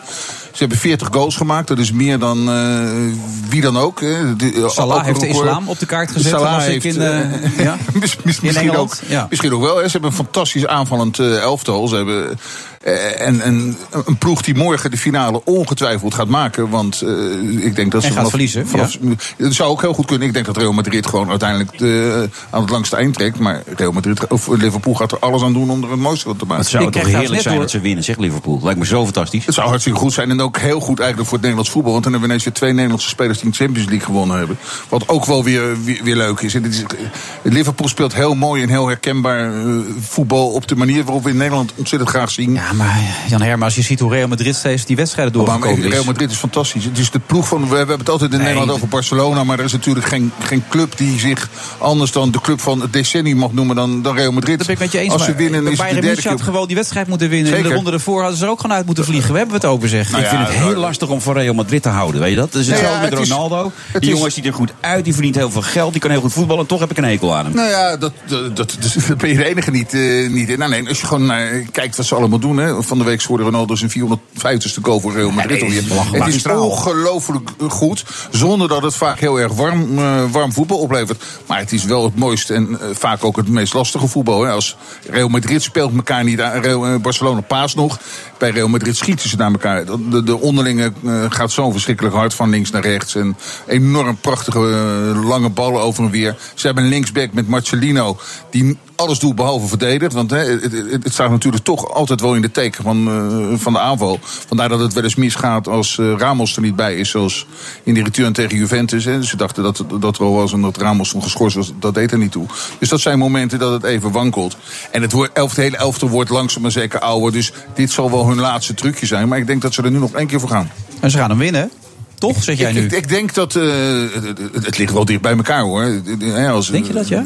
Nou, Liverpool gaat zeker twee, drie goals wel maken. Want zo zijn ze. Alleen is Real Madrid natuurlijk ook in staat om dat te doen. Jij zegt dat Eh, het 3-2 of 4-3 of zo Zeker. Van Dijk is de, de redding geweest. Want zonder Van Dijk was Liverpool zover niet gekomen. Want Ja. we hadden in het begin van het seizoen een verdediging... Een, eh, maar rustig, op zijn haast een uienverdediging. Ja. Eh, Van Dijk heeft er enige stabiliteit in gebracht. Maar ze hebben eh, de Lovren, de andere centrale Ja, verdediger... nergens op. Nee, die is totaal... Die hoort eigenlijk niet qua, qua Nee. positiviteit in zo'n in zo'n wedstrijd. En als het tegen Bale, die weer in vorm is... tegen Benzema, die ontzettend slim is... En altijd tegen scoort tegen Liverpool. En tegen Ronaldo, die als hij wint zijn vijfde Champions League wint. En dan is een Gento, die heeft er ooit zes gewonnen. Dus dan staat hij tweede op de eeuwige ranglijst van de meest succesvolle voetballers in de Europa Cup Champions League ook. Ja, ik denk dat ja, Real Madrid gaat ook gewoon een aantal keren scoren. Dus het wordt een hele vermakelijke avond hoor. Dat is wel lekker op te weten nu al. Dat, dat denk jij ook, eh, Jan. Je mag je Nou, deskundigheid... eh, ik, ik ik- word soms een beetje moe van praten over voetbal. Maar eh, dan gaan jullie rustig gaan. Ik denk Dus- dat eh, Liverpool gaat winnen. Het is, eh, voor mij eh, is Liverpool eh, de favoriet. En dat heeft niet alleen maar te maken met, met mijn antipathie voor Ronaldo en, en, en dat ijskoude Real Madrid. Maar met, met, die, met die Salah, die, die- die- wat een scorend vermogen heeft die kerel. En, Die weggestuurd werd bij Chelsea, hè, voor de duidelijkheid. Ja, zeker. Mourinho.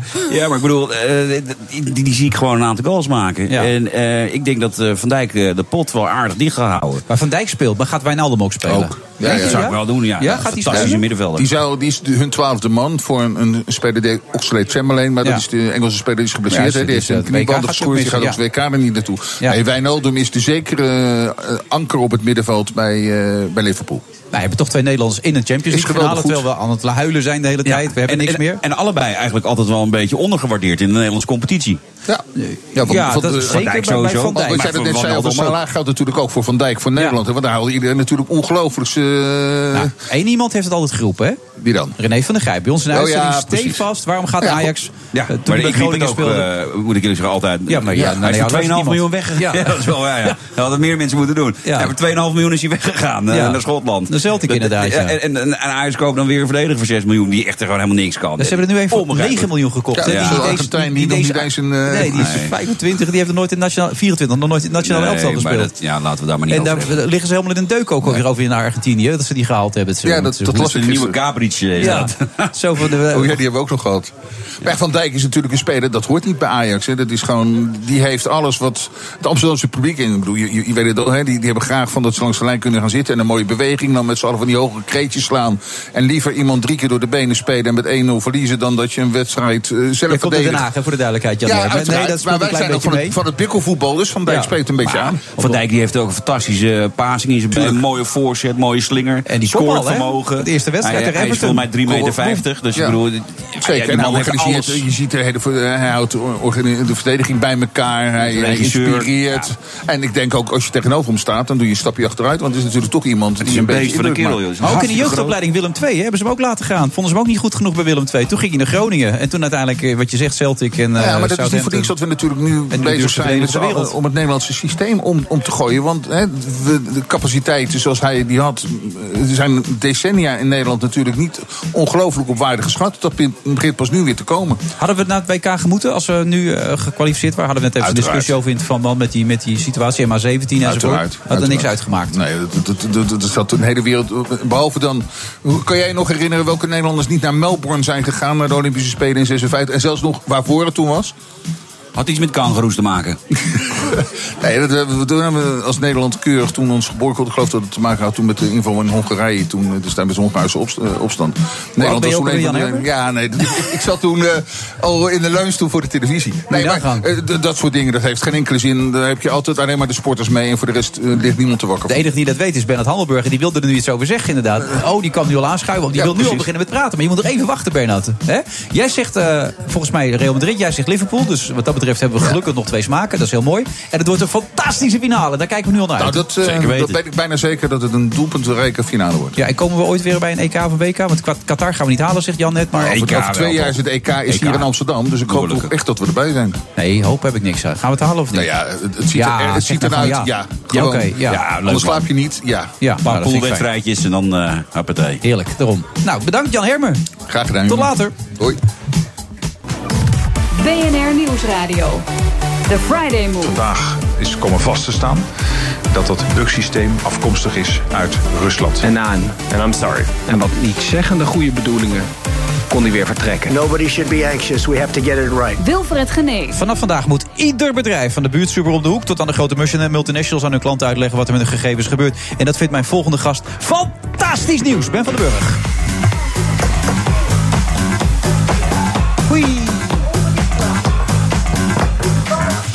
En Ben kent u natuurlijk allemaal van de Triple It. Zo zeg ik het goed, toch? Triple It, toch? Nee, triple gewoon. Triple? Ja, het heette vroeger Triple IT, maar we hebben het veranderd in Triple. Waarom? En we maken apps... Nou, dat IT is niet meer zo eh, een Nee? term die je echt wil... Ja, dat is, het is nu meer gewoon triple. Ja, en ik hoef niet meer over een ander verleden van jou te beginnen. Dat is afgesloten. Dat is verjaard, toch? Schaatsen. Ja, dat Nou, telt er niet meer. Nee, dat is, dat is heel erg lang geleden. Maar ik vind het nog steeds wel heel erg mooi, schaatsen. En ik keek vanmiddag bijvoorbeeld naar, even naar Vroom en naar Dumoulin. Ja, die schaatst ook lekker, hè? Nee, maar met, eh, dus met fietsen. Oh, wat een middag. Nou, goed. Maar even, dat is zo aardig. De oud-sporter hier aan tafel die nooit Ja. gebruikt heeft. Nee? Hij weet zeker dat er gebruikt is vandaag door Froome. Nou, zeker Jawel, weten ook niks. Zeker weten, man. Geprepareerd, zegt hij net. Nou, het ziet er wel zo uit. Ze zijn allemaal geprepareerd, maar dat hangt er vanaf. Staan, hebben ze middelen gebruikt die nu op dit moment op de dopinglijst staan? En komen ze erachter dat ze die middelen hebben gebruikt die op de dopinglijst staan? Dat nou, gaat en dat, meestal niet gebeuren, nee. Ja. Nee, precies. Nee, Dus maar ja. dit is geen Dus ontkenning Dumoulin van... was ook geprepareerd. Die heeft ook wat ja, maar gebruikt dan. wat is prepareren, Wilfred? Nou, dat vraag ik aan jou, want jij bent oud-sporter. Nee, ja, goed. Je, eh, Prepareren is dusdanig dat je inderdaad middelen gebruikt die je niet mag gebruiken. Ja, Nee, ze worden sowieso klaargemaakt. Dan niet. Ja. Nee, dat doe je niet. Want je moet alleen maar middelen, middelen gebruiken. Wat zijn middelen? Ik had net met jou over omega-3 dat dat zoals een tierenlier werkt. Ja, ga, ga, moet ik eerlijk zeggen, ga ik gelijk kopen. Ja, dat moet je echt doen. Want eh, dat is toch wel dat visvetten zijn Ja. Ja, visvetten. Ja, maar daar, Ja, ik eet graag eh, haring en makreel. Er zit ook Heel veel goed, in. ja, dat is ook helemaal-. Nou, dat werkt als een tierenlier. pol aan. Dus, maar ja, dat staat niet op de lijst. Dus dan prepareer je met omega-3. Maar ga je er harder van fietsen? Ik denk het niet. Als we het over privacy hebben. Nou ja, ik vond het toch wel interessant om te weten of het nou wel of niet gebruikt wordt. Want ik bedoel, had er echt gehoopt. Toen Yates wegviel, denk ik, het zal toch niet gebeuren. Gaat die Dumoulin gewoon het roze in? Ja. Dan gebeurt dit. Maar, het- maar morgen hebben ze nog. Het is wel een... nee, joh, kan het is klaar. niet meer. Nee, is klaar. klaar. Is Afgelopen klaar? Ja, is klaar. Ja, Oké, nou, bij deze. prima. Ben, ik krijg de hele dag door mailtjes Ja, eh, over de ook. privacy. Ik word er gek van. Ik word zo gaaf, vind ik het. Waarom dan? Nou, ik vind het heel mooi, omdat privacy was wel een beetje ondergeschoven kindje van, eh, weet je, ik heb niets te verbergen. Heb jij dat ooit geroepen? Heb jij dat ooit, Jan, Nee, vind ooit gezegd? verschrikkelijk. Oh, het precies. Nou, dus mensen zeggen, ik heb niets. Maar en nu de laatste jaren, dan gaan we doorhebben dat privacy wel belangrijk is. En eh, nu wordt iedereen in heel Nederland, heel Europa, heel de wereld wordt er bewust van. Ja. En zijn we daarmee bezig. Ja, dat vind, dat vind ik wel grappig, vind ik mooi. En ja, qua business cases die moeten veranderen, dat is allemaal interessant. Maar zoals, noem eens een business case die nu Nou, zou wat ik, veranderen. ik bijvoorbeeld, eh, bijvoorbeeld vanmiddag dan krijg ik eh, van Twitter nieuwe voorwaarden. Eh, Gewoon, Oh ja, die heb ik gelijk die ik aangeklikt. ja, die heb je gelijk aan. Maar ik dacht, Ik joh. heb niet gekeken, Ik, dacht, ik ik wel. Ik moest- Maar er staat er Ik bijvoorbeeld. namelijk. Ja. Nee, maar er staat er van: wil jij je data sharen met business partners? En dat staat bij default staat dat aan. Dus normaal standaard staat het aan. Dat mag niet meer. Dus ik dacht van, ah, een beetje uitzetten. Dus nu heb je meer controle over. Nee, maar dat mag niet meer. Ja, Nee, in die AVG staat dat Nee, je dat ja, niet meer, gaan we weer. dat je dat niet aan mag hebben staan. Nee. Je moet het aan kunnen zetten. Ja. ja maar Ja, kijk, dat Jan, is regelgeving. Als, ja, maar Hoe als. kan ik dat nou uitzetten dan, jongens? Want ik heb Nee, net aangezet waarschijnlijk. Ja, je Nee, bent maar- aangezet. nee, maar Paul zei tegen mij retweeten wat hij net opgenomen had. Dus ik heb maar snel alles aangeklikt omdat ik niet kon retweeten. Oké, maar wat me op is gevallen, ik heb dus een, eh, ik heb een podcastserie over AVG eh, heb ik gemaakt. Ja. En dan valt me op, dat is heel mooi. In aflevering 1 zeggen ze totaal iets anders dan aflevering 10. De laatste dagen ook nog met mensen eh, ben ik ermee bezig geweest. Er is nog heel veel onduidelijkheid. Maar de basis is best wel. Dat basis we zorg- is goed. Dat we zorgvuldig met de dataopslag moeten omgaan. Met eh, hoe je ermee omgaat. Dat, Maar Ben, dat is wel duidelijk. mijn, eh, mijn liefje die heeft een schoonheidssalon. En die heeft die AVG door moeten voeren. Daar is geloof ik twee dagen mee bezig geweest. Eén bak ellende. Nou ja, moet allemaal doorgevoerd worden, natuurlijk. Alleen, eh, als er toch iemand waardeloos met onze privacy omgaat... is het de overheid. maar ik wil eerst met die schoonheidssalon. Ik sprak gisteren met de security, National Security Manager van Microsoft. En, die zei: uiteindelijk, als jij heel goed, je pak een A4'tje, een Word-documentje. en je gaat met je schoonheidssalon heel goed beschrijven welke data je hebt, waarom je die data hebt. Je maakt gewoon een A4'tje en dat heb je. Dan ben je eigenlijk voorlopig al compliant, verschrikkelijk woord. Maar dan ben je al goed. Dus voor simpele. Weet je, mensen hebben het ook heel erg moeilijk gemaakt voor zichzelf. Maar als je. Kijk, de basis is. Denk goed na wat je met je data doet. Waarom je die data hebt. Dat is. En waar het staat. En Nee, kan dat ben ik het helemaal met je makkelijk eens. deleten. Maar Dus- het is natuurlijk een hele rare situatie... dat we zeg maar meer van onderop Hè, dus van de kleine MKB'tjes gaan we nu een beetje... En, en de overheid kan doen en laten Ja, wat oké, hij wil. gaan we nu naar de overheid. Die is, dat is op zich nog... Ja, nee, dat is waar. Die zijn... Nou, eh, die zijn eruit. achter. Dat is- nee, dat Ben zijn ik weer helemaal niet cynisch waarschijnlijk? Nee, Ik want dit de overheid die ik blijft inderdaad... Ja, Sinds de Weapon of the Week. Ga door, ja? Nee, maar jij zit nog steeds de krant te lezen. René zit gewoon Nee, de nee, ik zit, ik zit ondertussen. Kijk, ik zit dit te doen. Ik, misschien kun je me even instellen ook voor mij. Echt, Kan, je- kan je me even instellen dan? Dat doe ik. dat hij even heel veilig Eh, is. Privacy en veiligheid, ja, Ja? precies. Nou, Ja, dan Toon- stel je- zit nu in de Twitter van Ver- uh, ja. Wilfried Vertrien. De veiligheid geneerd, bl- geblokkeerd. eh, Ik, eh, nou, en dat is ook zo mooi, hè? Een van de regels is, er zijn eh, 176 overwegingen en er zijn 99 artikelen. Een van de regels is, het moet simpel, makkelijk en begrijpelijk zijn. Met zoveel dingen, ja. Dus ik zit nu te zoeken, personalisatie en gegevens. Dus je ziet al, ja, hier heb ik hem. Vrij makkelijk. Dus ik personaliseer je apparaat. Nee, ik zeg je op basis van plek waar je bent geweest. Dat hoeft ook niet, Wilfred, want ze hoeven niet te weten waar je bent. En advertenties gepersonaliseerd, joh, moet je gewoon niet doen. Dus nu, volgens jou, een stuk gegevens delen met zakenpartners, zeker niet. Nou, dus nu ben jij al veel meer... Is jouw, zijn Dus zo simpel kan het zijn. Nou, ik heb het nu inderdaad. Ja. Ja, je deed het Dus, snel. dat, dat is wel lekker dus dan. dan. heeft Twitter het goed gedaan. Maar hun businessmodel, dat ze het liefst met de data met partners delen. Ja, misschien komt er nu wat minder inkomsten bij. Of is die data minder rijk? Dus Ja. dat zijn best wel interessante dingetjes. En dat is ook het Facebook-verhaal, toch? Neem en ik dat aan. is op zich ook, ja. ja maar het is die, dus die jongens zijn allemaal, allemaal compliant. Dus ze hebben allemaal niks aan de regels eh, hebben ze voldaan. Wat grappig is, het moet simpel en makkelijk zijn. Nou jongen, die voorwaarden, ik heb allemaal screenshots gemaakt. Het blijft natuurlijk heel erg lastig. de gewone mensen snappen er helemaal geen moe van. Helemaal geen moe- en het is zoveel Nog tekst dat je op een gegeven moment denkt van... joh, laat lekker hangen. Ja. En daar gaan ze natuurlijk ook voor. Maar, Maar wat gebeurt er als die regels overtreden worden? hoe wordt wat- gecontroleerd en door wie? Boetes? Ja, door wie? Ja, dat is een autoriteit persoonsgegevens. Ja, maar die ligt op zijn gat. Ja, Aleid Wolfs heb je vanmorgen in het FT gelezen. Ja, dat gaat. En die zijn. Dus iedereen het is weer, zegt, het is weer een tandloze tijger. Die zijn niet klaar ervoor. Nee. En ze nemen nu heel veel mensen aan. En, eh, die, weet je, en mensen willen niet bij de autoriteit persoonsgegevens werken. Dus, dus Nee, dus echt- mensen lopen er weg. En, bij- omdat Aleid niet leuk is. Maar het is natuurlijk wel weer een heel erg probleem. Dat we wel weer allemaal regelgeving invoeren.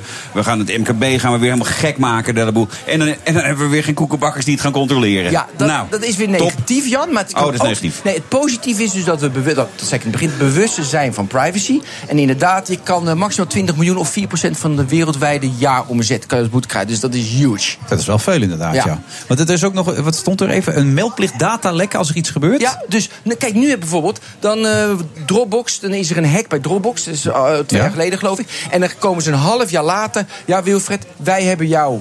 Ja, eh, we hadden dus gelekt. ja. We hadden een lek en jouw e-mailadres en je wachtwoord eh, is gelekt. Ja, Nu ja. moeten ze dat binnen 72 uur melden. Nou, dat zijn allemaal elementen die best. Ja, en, en als ze dat niet doen, kunnen ze er weer een boete voor En krijgen. dan kunnen ze boete krijgen. Ja. En, en de autoriteit persoonsgegevens, die moet die boete geven. En Ja. eh, dat wordt dan weer een En probleem, dat snap ik.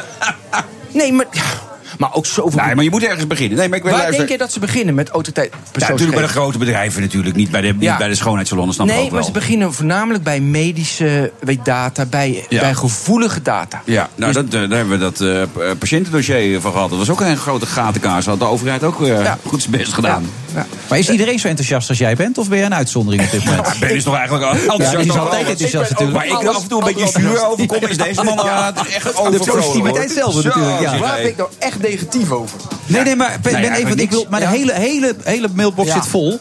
Ik, moet ik al die dingen Dat, gaan eh, dat is helemaal al die bedrijven die jouw mails hebben gestuurd, dat hoefden ze helemaal niet te doen. Nee? Nee, dat hebben ze me gisteren. Dat hoefde helemaal niet. Het is niet erg dat ze het hebben gedaan, maar het- ze hoefden geen toestemming te geven. Dus Ja, dus niemand weet hoe, Je moet ze hoe, het- negeren, hoe, hoe het Wilfred. moet. Nee. Iedereen doet maar wat. Nee, Top. je moet ze. Nee, ah, ja, fijn. Nee, die is best wel complex. Er komt heel veel jurisprudentie de komende maanden. Dan wordt het duidelijker. Maar je moet ze negeren, want dan ben je van al die rotzooi van al die bedrijven af. Oké, maar ook mijn eigen accountant en zo, dus stuurde het allemaal. Iedereen, ja, precies. Iedereen En stuurde die, Ja. die dus een verwerkersovereenkomst Ja, met jou ook. Ik moest allemaal dingen tekenen, moet zag ik net. Ja. Ik dacht op dat een gegeven moment, wat een dag is dit, zeg. Moet maar ja. Ja, maar je hebt rechten gedaan, dus voor jou is het alleen maar leuk dat je weer die wettekst Oh, kan dat kijken. vind ik zo fantastisch. Ja, het echt oh, dat jouw vind ik heerlijk, Ja. om dat eens even te kunnen doen. Ja. Leuk dat je er zo enthousiast over bent. Maar we worden er wel beter van. Wij worden er Wij worden er beter van. Wij- Bewuster, maar ook beter. De mensheid op aarde wordt hier alleen maar beter van. Mooi. Mooi, ja. Ja, is toch wel lekker uit, eh, om eruit te gaan. Maar ik hoor muziek, dus ik heb het gevoel dat ik moet stoppen. Maar... Ja, maar als je Nou, door wilt gaan, ga je lekker door. Nee, nee, nee, nee. Dat, dat Ja. gevoel hebben wij allemaal een beetje, eh, Ben. Met wat? Nou, dat wel van. Triple. Vroeger van Triple IT, maar dat vonden ze niet meer zo van deze tijd. Dus gewoon Triple. Triple. Ja, en hij is blij. Goed, hè. tot Hoi. later, Ben. Hoi, dag Jan.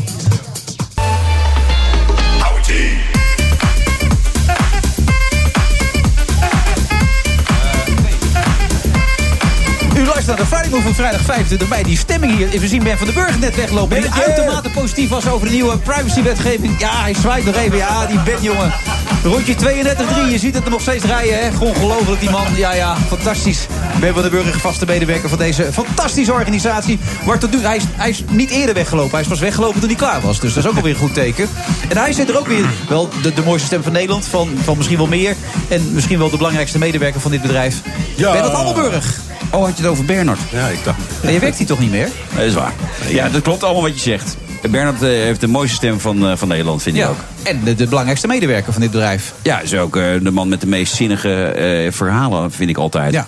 Maar van heel Nederland, hoor, vind ik dat. Je had, je had, je had toch een hele... Ben, hoi. God, heeft die snelle auto die Jezus, Ben. zeg, Is dat wat een Tesla of niet? Ja, Tesla, Tesla S, joh, rijdt hij. Jongen, jongen, doet hij het jongen. van, dat, dat triple, dat voorheen triple IT, Ja, heet, dat is wel... eh We gaan wel lekker daar in die daarin. Heeft hij aandelen of zo, denk je, in dat bedrijf? Of niet? Nou, ik weet het niet. Zou me niks verbazen dat hij Eh, aandelen de- heeft. Dure batterij, wielen. Ja. Kijk, kun je er wel naar jaloers naar kijken? Mensen die succesvol zijn of niet? Nou ja, nee. Kijk, ik heb een paar dingen van mijn moeder geleerd. Eh, mijn moeder zegt altijd... eh, Je moeder was als je, eh, je mede. Ja. als jij jaloers op iemand bent, moet je volledig met diegene ruilen. In alles. Dus ook zijn genetische defecten, zijn zijn vervelende vrouw. Ze, dus, dus ik ben niet jaloers, omdat ik dan denk, ja... dan- ja, als je dan, eh, Ben heeft dan een, eh, een mooie auto. Maar ja, goed, we hebben het net over iets persoons met hem gehad. En denk ik, ja, dat zou ik niet willen lenen van Nee. hem. Dus dan is het voor mij klaar. Ja. Alleen, ja, goed, ja, eh, bij mij ging het allemaal hartstikke lekker, mijn carrière. Tot ik dacht dat eh, om politiek leider te worden. En toen ging het niet goed. En nu ben ik opeens in Nederland een loser. Dat zegt meer over dit land dan over mij. Nou, allebei een beetje, toch? Of heb je ook toch zelf Nou wel ja, goed, ja, ik, ik, eh, ik heb eh, niet genoeg eh, stemmen gehaald voor een zetel, dat klopt. Maar om dan gelijk afgeschreven te worden, vind ik wel heel Calvinistisch en wat treurig. Hoor. Dat vind ik ook terecht. En ik, je weet hoe ik over jou denk. Ik denk dat je talent hebt, maar je zou dat inderdaad een tandje minder moeten gebruiken op de manier waarop je het tot nu toe hebt gedaan. Dan denk je dat je nog heel veel kan doen in het leven. Oh, wat leuk. Alleen het lullig is wel dat wat je zegt, die keren dat jij bij Eva Jinek en Pauw hebt gezeten, dat waren niet je sterkste optredens natuurlijk, als jij eerlijk bent. Nou ja, kijk. Je moet je afvragen, ehm, eh, je moet, dan moet je weten hoe het daar aan toe gaat. Eh, ik word anderhalve dag lang aan de lijn gehouden door een redactrice die het wil hebben over de CPB-cijfers. Dat betekent dus dat je die cijfers uit je hoofd gaat leren. En op het moment dat je er bent, eh, gaat ze zeggen van we gaan het even over iets heel anders hebben. En hebben ze een 1-2'tje met Alexander Pechtold afgesproken. En beginnen ze te zeuren over tweetjes die ik vier jaar daarvoor heb gedaan. En ja, dat is, dat is van een kinderachtigheid. Ja, ik, ja, ik kan, ik, ik Kan kan niet meer, Bernard, denk je, die Jan Roos? Zeker. Eh, en ehm we kennen elkaar al een dag of wat. Zo. Zeker. Jan, je- eh, ik herinner me heel goed dat Jan binnenkwam als stagiair bij eh, BNR. Ja, met, met En- Rozenpet toen nog. Ja, nee, maar Ja. wat was al meteen, vond ik, heel succesvol, eigen gereid, leuk, apart. We hebben, ik geloof in was het 2008, de presidentsverkiezingen in Amerika. Zeker. verslagen met een heel team, maar ook Jan. En die deed toen zijn eh, rubriekje La Vie Jan Roos. Elke dag een minuut, een, een column vanuit Amerika over dingen die hij daar zag. Hij ging voor een dag, eh, hij ging naar Amerika voor een minuut per dag. Nee, hij deed ook redactiewerk. Oh, oké. Nee, ja, nee, je kent BNR, kom op zeg. Nee, oké. Nee, nee, nee, hij zat ook gewoon mee te buffelen om eh, de gasten binnen te halen en Ja. vragen te verzinnen. Maar je wilde zeggen dat hij dat heel goed deed. Uitstekend. Ja. En eh, ja, hij heeft een keuze gemaakt tussen activisme of politiek aan de ene kant en journalistiek. Ik denk, als Jan, als jij gewoon in de journalistiek was blijven hangen, dan was, eh, was het allemaal vlekkeloos verlopen. En dan eh, uitgesprokenheid, hartstikke leuk. En ik vind ook, ik ben zeer gesteld op Jan, dat weet hij. Wordt nu wel En ik, geloof, ik, geloof, ik geloof niet dat ik het Ik ooit met hem een eens ben geweest, maar dat, maakt niet uit. Ja, Maar maar je- goed, kijk, laat, laat- eh, erover ophouden, Bedankt voor je mooie woorden. Het Ja. probleem is alleen dat uitgesprokenheid en journalistiek in Nederland eh, eh, combinaties die niet rendeert. Wauw. Nou, Het nou, bestaat niet. Nou, je, je zit met Wilfred aan tafel, die kan er ook wat van. Ja, jezus. Maar de, en ik soms ook wel eens, hoewel niet zoveel. Ja, ja. Ja, Wilfred heeft het over voetbal. Maar als je, als je zich over Maar ze gaan maatschappelijke hier ook over andere dingen te praten. Ja, en dan lopen ze weg, dat is waar. Ja. Reinhard, eh, Trump, het gaat niet door met eh Ja, nou, de het Noord-Koreaanse. Of gaat het wel nou, door? ja, nee, Wat hij denk zei- jij? hij zei- ja, hij, hij zei- hij, hij is weer terug. Ja, hij zei Ja, nu, hij is nu zei wel nu weer, net, nou ja, je weet, hij had dus een brief geschreven. eh, die is gepubliceerd aan eh, Kim Jong-un. Eigenlijk een hele beleefde en vriendelijke brief. Dat hij het vreselijk vond. maar dat er zo over en weer werd gescholden. Dat kon zo niet meer. Dus hij moest het afzeggen. Maar nu net zei hij. eh, Eh, ik denk dat eh, er wel een kans is. Misschien zelfs op de twaalfde. En toen kwam de eeuwige Trump-zin... we shall see, of we'll see. Dat zegt hij bij alles altijd. Ja. Maar wie weet. Die kersenras eraan. Ja, dus, Ja. Dus, dus zijn verhaal was... eh, de Noord-Koreanen zijn eigenlijk, net als wij, een beetje geschrokken van hoe dit uit de hand is Maar ook die. Pence, wat jij vorige week ook al een beetje Ja, aangaf. Dat, dat het was- vergelijk met Libië en zo, dat is niet handig natuurlijk. hè. die denken, dus god, wat eerst, gebeurt er eer- nou? Nee, eerst deed John Bolton dat. Dat is de nationaal veiligheidsadviseur van Trump. Die zei dus, eh, wat, wat wij voor ons hebben is, het, is een vergelijking met eh, Libië. Dat heeft ergens rond 2005 of 6 of zo zijn nucleaire programma beëindigd in ruil voor herstel van de betrekkingen met het Westen. Is toen ook gelukt. Alleen in 2011 is Gaddafi, die daar toen voor heeft getekend, omgelegd. Onder andere met hulp van de westerse landen en zeker de Amerikanen. Dus daar werd Noord-Korea heel boos om. En wat deed Mike Pence, de vicepresident, eergisteren? Die herhaalde datzelfde verhaal. Dus toen zei de woordvoerder van Kim Jong-un: die man is gek, stom, zei hij, stupid. En toen zei Trump, ja, als je op die manier tekeer gaat... kunnen we niet verder met elkaar praten. Dat deed hij ook weer op zijn Trumps. Wel met op zichzelf een hele vriendelijke brief. Maar het eerste slachtoffer was de president van Zuid-Korea, meneer Moon. Want die was net in het Witte Huis geweest om het allemaal voor te bereiden met Trump. En die was nog niet terug. Of hij hoorde dit, ik denk, op de radio of zo. Maar hij was zelf niet, daar, ja? hij Ja? was zelf, nee, in Zuid-Korea, hij was zelf, nou, hij was zelf niet op de hoogte gesteld door Trump dat hij eh, eh, de eh, bijeenkomst had, ge- had geannuleerd. Nee, dat het allemaal voor niks was eigenlijk Nee, geweest. dus die was, die was terecht heel Ja. verontwaardigd. Maar er wordt nu op hoog niveau voortdurend overlegd. Ik denk dat de Chinezen daar een grote rol in spelen. Want die hebben enorm. Jan knikt ja, dus dat zal het die hebben enorm ingezet hier. Nou ja, die willen graag dat het wel gebeurt. Xi is hier de baas. In het hele, hele verhaal is Xi de baas. Ja. En, En- Trump, eh, eigenlijk is het een, is, heeft hij een bijrol. Maar goed, er zijn dus. Je, je hebt- Maar hij pakt de hoofdrol. Jawel, Toch? Ja, maar Xi, is al, Xi, Xi stuurt dit. Als het een succes wordt, komt het door Xi. En als het geen succes wordt, komt het ook eh, door Xi. Daar heeft Trump eh, helemaal niets mee te maken. Nou, Nou ja, goed, iedereen roept dat op Trump de Nobelprijs voor de Vrede hiermee gaat, dat riepen gaat winnen dat, nee, iedereen. Mensen riepen dat toen, toen Trump dit, eh, ik zou maar zeggen, initiatief nam. En dat was, ja, dat was half grappig. En daar heeft hij zelf ook grappen over gemaakt. Van ik ben heel vereerd, maar kom op, zeg eerst maar eens kijken of het allemaal lukt. Dus dat deed hij heel behendig. dan Obama Maar het is, ja, maar het is, zoals je weet, Trump is iemand die altijd uit de heup schiet. Dat heeft hij hier ook mee gedaan. Dat heeft hij ook gedaan door, die, door aanvankelijk te zeggen, we gaan het doen die eh, topconferentie. En er zijn eigenlijk twee. Er is dit, de aanleiding voor dit alles was dat gedoe over de vergelijking met Libië. Er is ook wel een oorzaak en die is niet weggenomen, ook als het goed komt. Namelijk, het gaat over eh, denuclearisering. Dat woord wordt steeds gebruikt van Noord-Korea en eigenlijk van het hele Koreaanse schiereiland. Maar in de Koreaanse tekst staat dat eh, Noord-Korea wil denucleariseren, maar dat dat ook van Amerika eist. Dus zijn hele eh, nucleaire programma. Oh, dat gaat gebeuren dus. Dat wist iedereen al. Nee, natuurlijk niet. Maar, Zegt hij serieus, ja. Nee, nee, nee, nee, maar dat, dat, nee, maar dat wisten ze ook best Ja. in het Witte Huis. En Trump wist dat ook best, maar die dacht... Je weet maar nooit, laten we het maar gewoon doen, joh. Laat maar gewoon eens proberen, kijken Ja. of... Want dan komen we daar misschien ook wel uit. Ja, en we zijn hebben we ook van die wapens af van ons thuis. Misschien. Ja. Ja, ja, ja nee, dat hij, nee maar, maar vandaar dat hij ook eh, eh, in zijn verklaring, eh, toen hij het afzegde, zei: Ja, ik hoop niet dat Kim zo dom is om weer te gaan dreigen. Want ons, ons wapenarsenaal is net even sterker dan dat van hem. Dus dat moet hij, die kant moet hij niet uit. En ik denk dat Kim daar eerlijk gezegd ook wel weer van geschrokken is. Dus om Trump te citeren, we zullen zien. Maar, Maar nu zitten wij al vijf minuten te praten over het feit dat er waarschijnlijk wel een top gaat komen. Dat is eigenlijk wat je gaat zeggen. nu, Ja, dat zou- dat zou best dus, kunnen. Dus allemaal gelul in de ruimte. Dus Nee, eh, wat die nee, gasten nee. aan het doen zijn. Nee. Ja, nee, maar dat is toch zo? Nee. Dan gaat die ene weer zeggen, we doen het niet. En dan gaat die andere, nou, nu doen we het weer wel. Even een stapje terug. Kan allemaal wezen. Laten we hopen dat het doorgaat om, te beginnen. Het is nog nooit eerder gebeurd dat een Amerikaanse president met een Noord-Koreaanse president. Maar sprak. is er alles aan gelegen om dat te doen, hè? Ja, de, de Chinezen hebben een enorm belang. Ja. Eh, die willen rust. Die willen eigenlijk ook het liefst dat er op, de, op den duur een soort vredesovereenkomst komt. Die willen Ja. dat eh, Amerika uit Zuid-Korea eh, een zeer geavanceerd raketsysteem weghaalt. Dat heet THAAD. Dat irriteert ze zeer. Eh, ze willen uh, uitdunning van die enorme Amerikaanse troepenmacht. Langs de, eh, op de gedemilitariseerde zone liggen zijn 30.000 man. Ehm, dus de, de Chinezen voelen met de Noord-Koreanen dat nog altijd als een bedreiging. Dus die hebben ook een eigen belang. Dus die willen rust en die willen ook Noord-Korea in stand houden. Want dat vinden ze een belangrijke buffer tussen zichzelf en de rest van de wereld. Dus de Chinezen die hebben erg hun best gedaan eh, de afgelopen tijd. En hoe?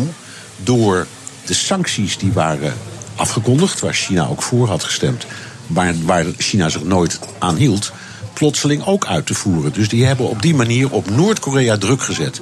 Daardoor was Kim wel bereid, want het gaat daar vreselijk in Noord-Korea economisch. Dus die heeft een primair belang. En Donald Trump is Donald Trump, die heeft altijd een belang. En dat is in de eerste plaats Donald Trump. En wie weet ook een stukje wereldvrede. Ja. Daar kunnen we het er op zo'n mooie, stralende vrijdagmiddag niet. Ja, ga jij volgende week mee naar Portugal eigenlijk? Nee. Want, oh nee. Nou, ik Nee. wel, hoor. Nee, ja, jij gaat nee, mee. nee, We moeten nee, vijf nee, uur verzamelen, ik- lees ja, ik ik net hoor op dat je vijf uur weg, eh, Nou, dat heeft Toei maar- goed geregeld. ja, daar zijn we er lekker vroeg bij. Nee, maar ik, ik, ik, Maar ik, vind het altijd, Bernard, altijd, dat, dat anti-Trump-verhaal, dat, dat begint ook een beetje grijze plaat te worden. Die man die doet zijn best. Nee, maar Een conflict dat is niet al- zo anti-Trump volgens mij. Nee, maar hij zegt dat Trump doet het voornamelijk voor Trump. Eh, Trump doet het voornamelijk ja, voor Dat Trump. is toch ook Ja. allemaal maar een, eh, een persoonlijke aanname. De beste man die probeert een heel groot conflict op te lossen. Als, als Obama dat had gedaan, dan, eh, dan, dan was hij weer eh, een soort messias geweest. Eh, ik, ja, ik, ja, af en toe mag je ook wel eens een goede daad van de man als goede daad Je bestemmen luistert, je luistert te weinig naar je oude station en zeker naar dit programma. Want dit je thema komt met grote regelmaat terug. En wij proberen ook hier altijd over een verschijnsel als Trump of elke andere leider in de wereld zo eerlijk mogelijk te rapporteren. En ik ben er, in de- ik ben er echt van overtuigd dat Trump een hele ijdele man is. Een narcistische man.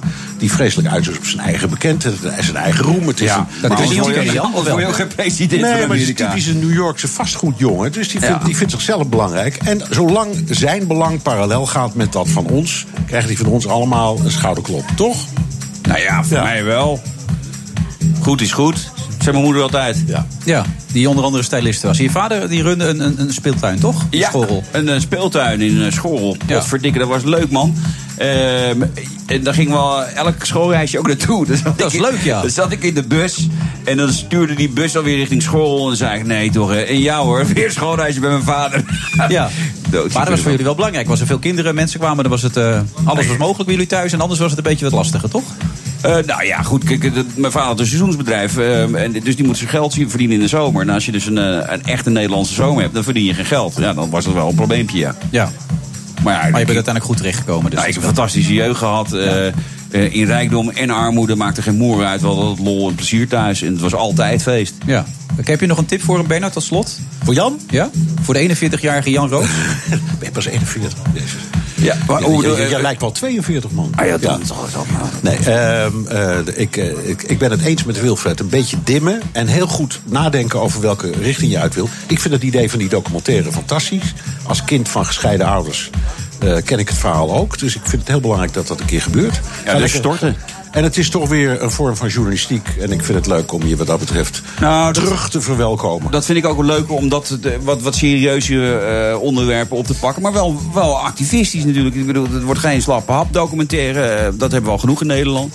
Alleen ja, goed, er moet er wel eh, die crowdfund gevuld worden. Ja, nog één keer hoe je dat kan doen? Voordekunst.nl, dat is een website. Ja. En dan ga je naar Vaderleed, de, dat is het onderwerp. En dan kan je daar storten van een tientje tot, eh, nou, tot je hele vermogen. Dat is toch weer fijn aan zo'n zender als dit, hè? Dat we hier toch gewoon alles eh, even kunnen doen. Je hele, je hele alimentatie kun je daar storten. We zitten trouwens in de Amstel Boothouse. Mocht u nog langs willen komen, Ja, leuke dat zeker tent doen. Het is echt een geweldige tent, man. Er zijn ook gezellige mensen hier allemaal op het terras. Iedereen zwaait ook naar ons. Dat komt ook bijna nooit voor. Hè? Dat kennen we ook niet. Maar fantastisch hier. Dus kom gerust nog even langs aan de Amstel. Tot zo.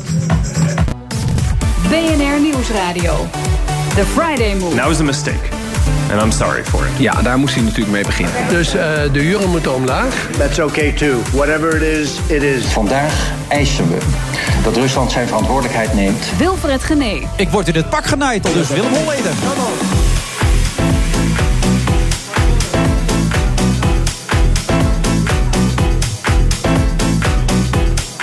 We zitten nog steeds bij de Amstel Boothouse. Het begint hier een klein beetje te regenen, terwijl de zon ook nog steeds schijnt. Het is hier zo schitterend, dames en heren. Kom gerust deze kant uit. En wij zitten hier samen met Jan Roos als co-host... en onder andere ook DJ Thomas Robson.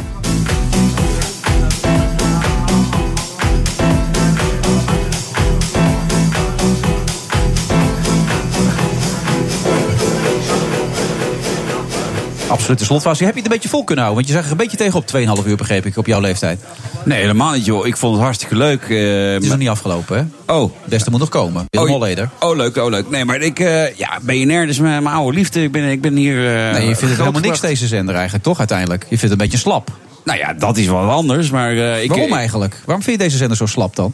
Nou ja, ik vind het jammer dat jullie de politiek correcte hoek zijn ingedoken. De politiek correcte hoek? Daar hebben we bij de NPO al meer dan genoeg van. Eh, vroeger, toen ik daar nog bij zat, was het wat liberaler. Oh, toen jij was erbij het was, een- ging het nog goed? Nou ja, qua luistercijfers wel, ja. Nee, maar toen, toen was het wat liberaler, wat vrijer. En het is nu wat ja, meer NPO'tje nadoen. En dat moet je niet doen, want dan moet je heel veel geld voor krijgen. Anders, anders moet je het niet doen.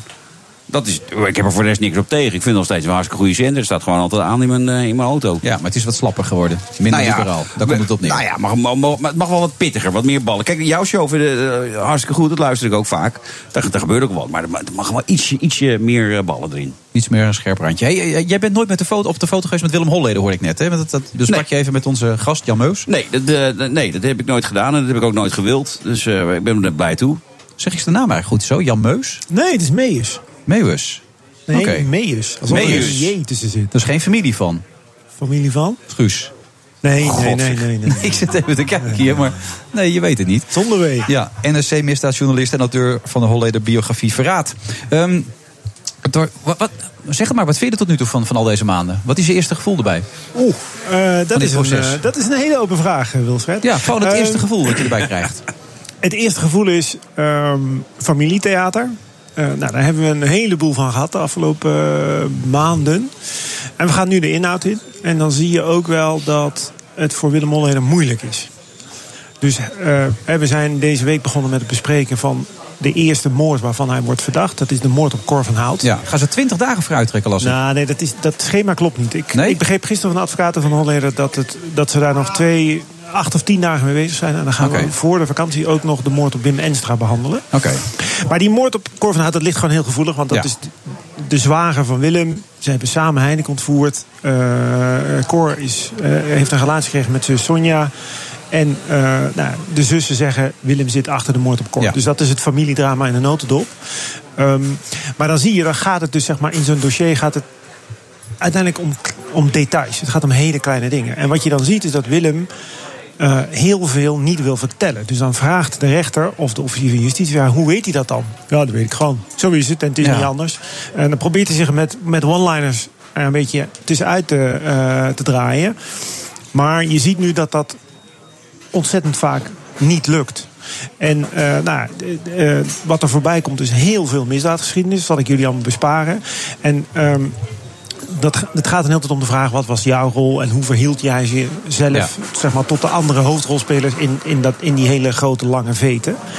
Ehm, en er komen heel veel details voorbij. En dan zie je uiteindelijk, dat wordt een wedstrijdje. Wie is het geloofwaardigst? Wie eh, gelooft de rechtbank? Gelooft de rechtbank Willem Holleder? Gelooft de rechtbank eh, zijn zussen? En al die andere getuigen die ook nog moeten komen verschijnen... en al- anderszins al verklaard hebben. En dan zie je toch wel dat de rechtbank bij tijd en heel veel moeite heeft om hen te geloven. Dat, dat zie je gewoon voor je ogen gebeuren. Ja. Ze zeggen natuurlijk niet, meneer Holleder, we geloven u niet. Maar op een gegeven moment komt er een bandje voorbij... en dan wordt daarover doorgevraagd. En dan zegt Willem, nee hoor, het is eh, zus en zus en zo gegaan. En dan zegt de rechter, ja maar meneer Holleder... ik heb hier een, een, een transcriptie van het bandje... en als ik dit lees, dan lijkt het toch echt op dat er iets anders gebeurd is. En Ja. daar, komt hij nou gewoon niet uit. En dan zegt hij, ja, het is zo gegaan, want ik zeg dat het zo gegaan is. En dan zegt hij, ik vertel hier de waarheid, het is niet anders. En tegelijkertijd heeft diezelfde waarheid vertellende Holleder... aan het begin van de strafzaak, en dat is echt heel belangrijk... eh, moeten toegeven dat hij op een paar cruciale details heeft gelogen. En welke details zijn dat? Dat zijn geen details. Ja, welke zijn- details zijn dat? Nou, dat is zeg maar, vraag. dat is eh, één. Het, Heineken, het nooit gevonden Heineken losgeld. Dan hebben we het dus over 1983, 35 jaar geleden. Ehm, hij heeft altijd volgehouden, dat is verbrand. Ik heb dat geld niet. Aan, aan het begin van het proces heeft hij gezegd... nee, we hebben dat geld geïnvesteerd. Wat iedereen altijd al dacht op de Wallen Ja. en in Alkmaar. Dat is geïnvesteerd en ik heb daar hartstikke veel geld mee verdiend. En toen we het verkochten, toen ik ruzie kreeg met Cor... en we verkochten alles, toen had ik 11 miljoen gulden. Dat is 5 miljoen euro. Uh, en dat geld, en dan komt de tweede leugen... dat heb ik ingelegd bij die vastgoedbaron in Amsterdam, Wim Enstra. eh, heeft hij ook altijd ontkend. Dus die rechtbank die heeft ook wel een paar keer aan hem gevraagd: ja, meneer Holleder, u zegt dat nou allemaal wel, maar u heeft in het verleden hartstikke hard over gelogen. Ja. En nu moeten wij u geloven. Nou ja, dat is zeg maar in de kern eh, eh, waar het over gaat. En op dit moment gaat het allemaal nog over details die niet erg belangrijk zijn. Maar er komen momenten dat een kroongetuige bijvoorbeeld heeft gezegd... hij heeft aan mij de opdracht gegeven om eh, Kees Houtman, een andere crimineel... waarvan hij wordt verdacht van de moord... om hem eerst te laten doodschieten. En dat, dat, dat gaat samen in twee woorden. Osdorp eerst. Die man woont in Osdorp. Ja. Dan zal Holleder weer zeggen, ja, heb ik niet gezegd. Maar wie gelooft de rechtbank dan? Daar zal het uiteindelijk om Als ik gaan. je zo hoor, gaan ze Willem Holleder niet geloven. Eh, op dit moment is mijn indruk dat de rechtbank grote moeite doet om alles aan te horen en te begrijpen.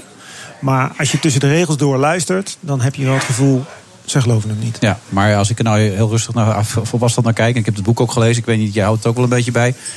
als deze man niet schuldig is, dan weet ik het ook niet meer. Slaapt Dolly Parton op de buik? Of, of ga ik dan te ver? Nou ja, ik, ik- ik heb dat boek inderdaad gelezen, maar eh, ja, aan de andere kant, en dan snap ik ook wel weer, dat zeggen ze ja, dat is een mevrouw die, eh, die, die, die is nu getuige en die schrijft er een boek over. Ja, natuurlijk eh, dat, ze, dat ze Willem dan als eh, dader zien. Maar het lijkt mij een beetje stug dat deze meneer gewoon aan alles onschuldig is. Dat kan toch haast niet? Dat lijkt me een Dat- beetje stug, ja. Dus eh, het wordt wel een keer tijd dat er dat waar werkelijk een keer een uitspraak komt. Dat je denkt van dat doet wel recht aan zijn. ja, ja, aan de man die hij is en aan zijn daden die hij heeft gepleegd. Maar Jan, dat denk jij toch ook? Jouw gevoel, ik wil, je doet het wel even, neem ik aan, dit werk. Dus je gevoel zegt dat toch ook, neem ik aan? Of? Nou, hij heeft, hij heeft, hij, hij heeft een hard cell, zoals het zo mooi heet in het eh, Amerikaans. Eh, hij is veroordeeld voor de afpersing van twee mensen... Die, waarvan hij nu wordt verdacht dat hij die vermoord heeft. Dus het motief is er. Er zijn een aantal mensen die naar hem wijzen... die zeggen van, het is in zijn opdracht gebeurd. Ehm, dus het is heel ingewikkeld. Weet je, ik ben verslaggever. Het is niet aan mij om nu te Nee, zeggen... hij heeft het wel, maar- gedaan of heeft het niet gedaan. Dat gaat de rechtbank uiteindelijk doen. Eh, en het derde is, we hebben zeg maar, een aantal van die moorden... er zijn een aantal medeverdachten ook al eh, voor berecht... inmiddels in hoger beroep. En in die uitspraak is op een gegeven moment gezegd... van nou, eh, medeverdachte Dino Sorel... Die is schuldig aan eh, twee van die moorden. En bij een van die moorden heeft hij samengespannen met Willem Holleder. Dat, dat is een uitspraak van het Hof. Ja. Nou, die rechtbank die, die kijkt daarnaar en die denkt... ja, jeetje, wat moeten wij hiermee? Het is een hogere rechter. Die, Ja. Dus die zeggen van, nee, meneer Holleder... We gaan, dus wat ze nu aan het doen zijn, is eindeloos de tijd nemen... om alles te behandelen wat hij Ja, wil hoe, lang- hoe behandelen. lang gaat dit duren? Dit gaat, dit, zoals het na- nu naar uitgaat, dan gaat het tot, gaan we het behandelen tot het eind van het jaar. Dan moeten er geen gekke dingen gebeuren. En dan eh, krijgen we een strafeis, zeg maar, misschien in december, anders in januari. En dan zal de rechtbank nou, voor de zomer 2019, dus over een jaar Ja. ongeveer, zal, zullen ze wel. En dan gaat hij in eh, hoger beroep weer En dan gaat hij in hoger beroep. Ja. Nou, daar, zijn we, daar zijn we nog twee, drie jaar mee bezig. Maar hij had Eh, ooit, ooit een hartprobleem waar hij nog maar heel kort door kon leven. ja, dat is een goede vraag. Ja, dat, is, dat is een hele goede. Dat, dat hartprobleem was echt. Echt waar? Maar Ja? Een, een grappig detail is dat hij zou eigenlijk naar een ziekenhuis in Den Haag, naar het Bronovo. Ja? Maar er was toen een koninklijke hoogheid. Ja, die moest, zeggen de die moest- koninklijke familie komt daar. die, die moest, die- die moest bevallen. Ja. Dus Holleder kwam terecht in Leiden bij een van de beste hartchirurgen die het land kent. Zou je altijd zien, hè? En nou, hij had een kapotte hartklep. Ja. Die hebben ze gerepareerd. Nou, en eh, ja, hij doet het weer als een zonnetje. Dus eh, Ongelooflijk. Maar goed, eh, eh, wat je wel leest als je dat eh, Sonja-boek ook leest... is dat die de bloedgabber Cor, de flipper eh, alias... en hij ja, gewoon dusdanig uit elkaar lagen... Dat, en, en, en dat het, hij eigenlijk heeft toegegeven aan, aan zijn familie... dat hij eh, zijn zwager heeft afgemaakt. Ja, dat, dat, dat is ook zo. En dat, daar speelt ook die betrouwbaarheid. Kijk, de, de vraag is in hoeverre naar de verklaringen van zijn zussen en zijn ex-vriendin... of dat nou voldoende bewijs is om hem te veroordeeld te krijgen voor de moord op Cor van Hout. Ik denk dat je, dat, dat wel op, echt op het randje is. Ik, het zou mij niet verbazen als hij daar niet voor wordt veroordeeld. Maar je ziet wel dat zeg maar, het gaat dus echt over de vraag... wie geloof je? Want dus, Ja. die lezingen staan recht tegen Maar elkaar. er is sprake van belangenverstrengeling natuurlijk met, eh, met eh, eh, Sonja, de, de, de Maar andere de zus. conclusie is dat je Jan nog wel even bezig bent, als ik het zo hoor. Ja, Hè? de, de- Jij bent nog wel even wat tijd mij vrij. Ik ben, ik ben nog wel een, eh, Ja. een jaartje bezig. Jan Meijers, nu zeg ik het goed, toch? Je zegt het helemaal goed. Van NRC. Hartstikke goed dat je er was. Wij gaan nog een hele kleine slotfase in zo meteen. Red je dat nog, Jan? Wel ja. Fantastisch, tot zo.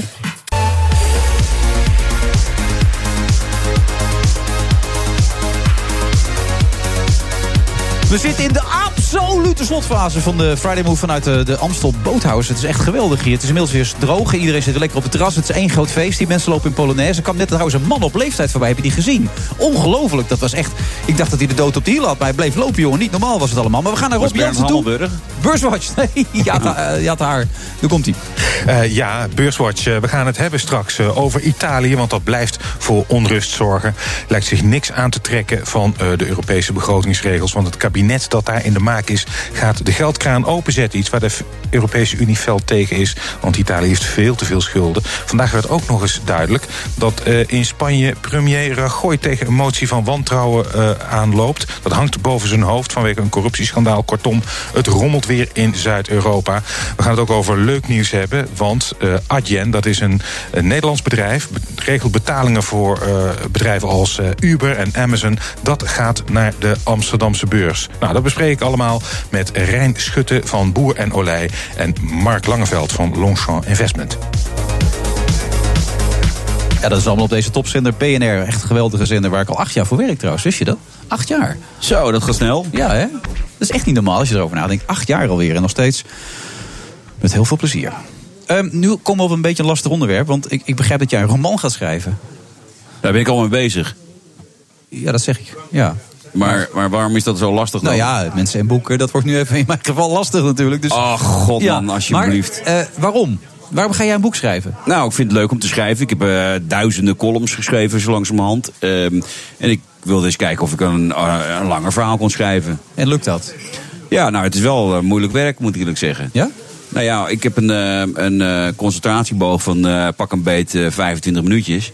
En eh, als je echt een boek wil schrijven, dan moet je gewoon acht uur lang achter elkaar kunnen tikken. En wat ga je na 25 minuten doen dan? Nou, ga ik eens even kijken hoe het eh, in de wereld eraan toe staat. eh, hoe het aan toe gaat. Even eh. lekker venijn tweet, een tweetje eruit Nou, gooien nou, een natuurlijk. tweetje eruit gooien, een beetje Chinees met de wereld. aanpakken, ja. Ja, of dan ga ik eens eventjes een berichtje naar iemand sturen. Of dan ga ik een stukje stukjes eten. Dus dat boek komt er over een jaar of tien, als ik Nee, het zo hoor. want ik moet Thierry het- Baudet heeft er drie jaar over gedaan, over ja, dat boek. joh, nou, dat zal allemaal wel. Maar ik moet het gewoon in september af hebben. Dat is wel een beetje een probleem. Hoezo? Heb je een afspraak met een uitgever dan? Ja, die uitgever die, die wil dat uitgeven aan het eind van, van dit jaar. Dus dan moet het aan het eind van de zomer af. Dus ik moet echt aan de slag, joh. Ja, en waar gaat het over dan? Ja, maar dat gaat... Oh, ja, dit is, Je kan dit- toch wel iets vertellen? Ja, natuurlijk wel. Maar het is een... eh, Het is, Hoef ik het ook niet meer te lezen. Het is een fictief eh, verhaal. Hè? Het is een roman. Dus het, het gaat uiteindelijk over de. eh, laten we zeggen, Europa die in elkaar dondert, economisch gezien. En waar wij dan staan. ten aanzien van een, een, een dienstensector. wat hier tegenwoordig. zeg maar. Eh, de economie draaiende houdt. En op het moment dat er geen economie meer is. eh, dan heb je daar geen moer meer aan. Lijkt me een heel leuk boek als je het beschrijft. Nou, het- Ja. eh, nou, dat en dan vol met humor. En eh, Ja. er gebeuren de meest eh, grappige dingen. Ja, Eh, de Thierry Baudet zat dit weekend ook in het AD volgens mij. Die zei over 50 jaar bestaat Nederland niet meer. Onderschrijf jij die mening? Nee. Heb je het gelezen, het interview, of niet? Nee, maar ik, ik onderschrijf eh, die eh, Nederland bestaat gewoon. Hij zegt dat is dan zo gemeleerd, dat is zo opgegaan in elkaar... dat met al die nationaliteit, dat Nou ja. Nederland bestaat niet meer. Mm, Jawel hoor, dat bestaat gewoon wel als land. Eh, maar wel natuurlijk als eh, een provincie, eh, een westgebied van, van de Europese Unie. Eh, eh, je ziet dat dat, dat steeds verder gaat en, en verder blijft gaan. Ehm, en dat zal ook niet eh, tegengehouden kunnen worden. Ja.